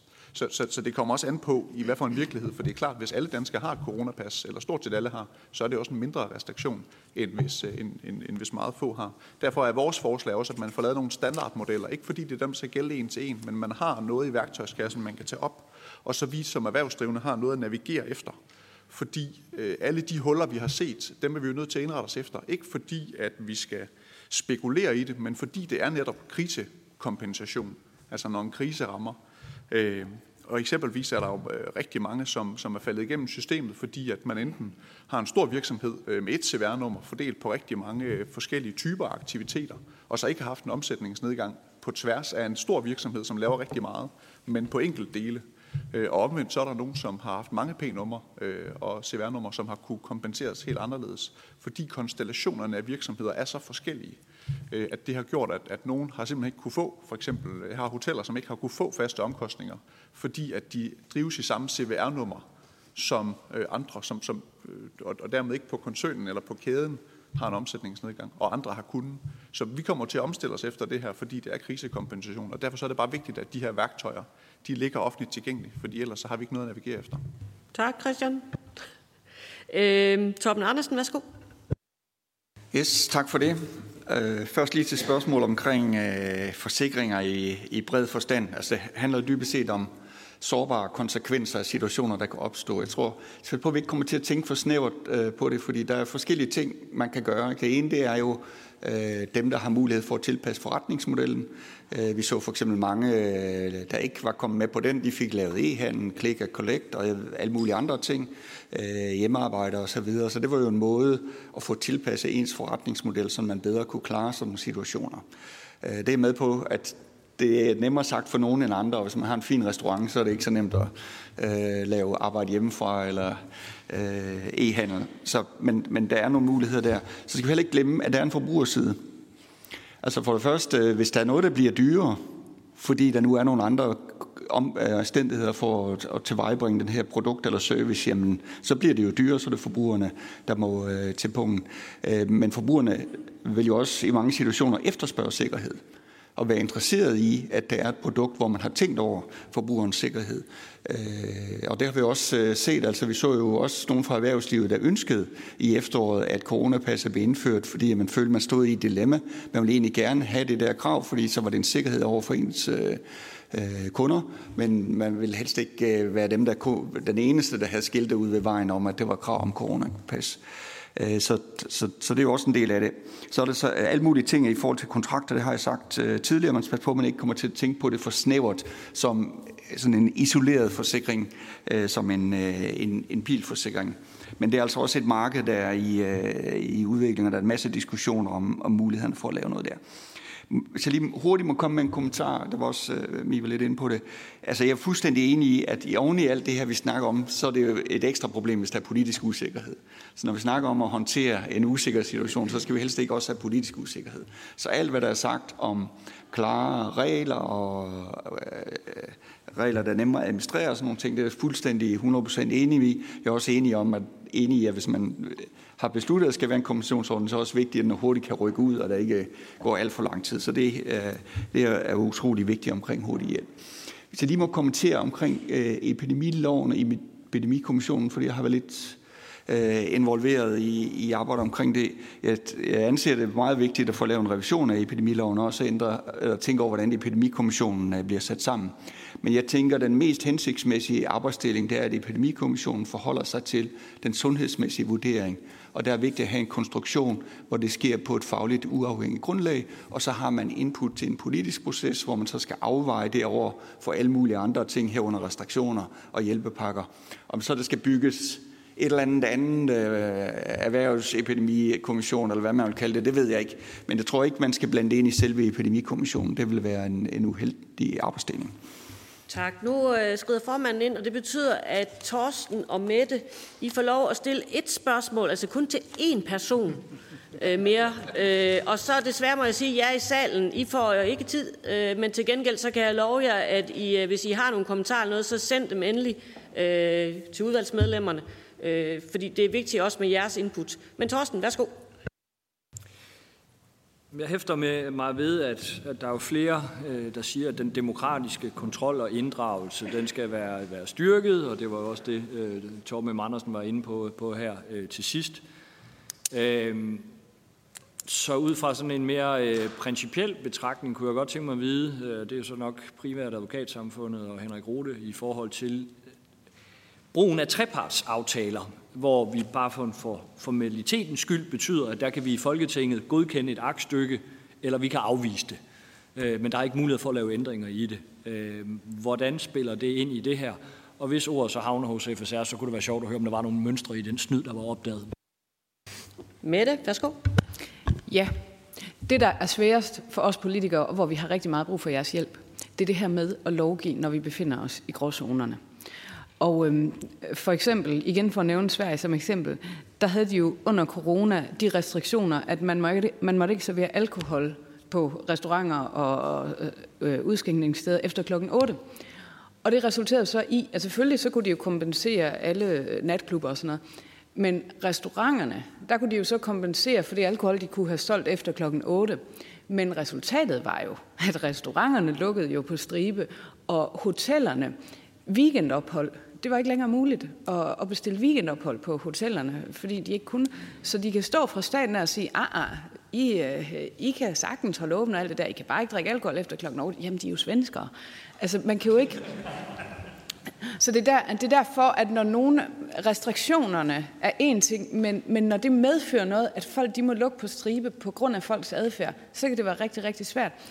Og for os i Danmark som politikere, der er det bare rigtig, rigtig svært at navigere i den her gråzone og lovgive i den gråzone. Og det er der, hvor vi har brug for jeres hjælp. Så derfor en opfordring til alle sammen. Skriv gerne til os og hjælp med at komme med nogle input. Og som jeg har sagt her, I vil godt have forenklinger og klare regler. Det vil vi også. Men der er så mange gråzoner, så vil I ikke nok bare gerne hjælpe os med jeres input fremadrettet.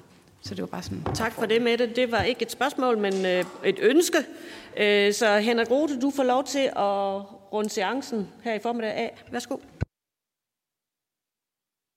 Ja tak, det er jo en, en fornem rolle, der pludselig bliver min.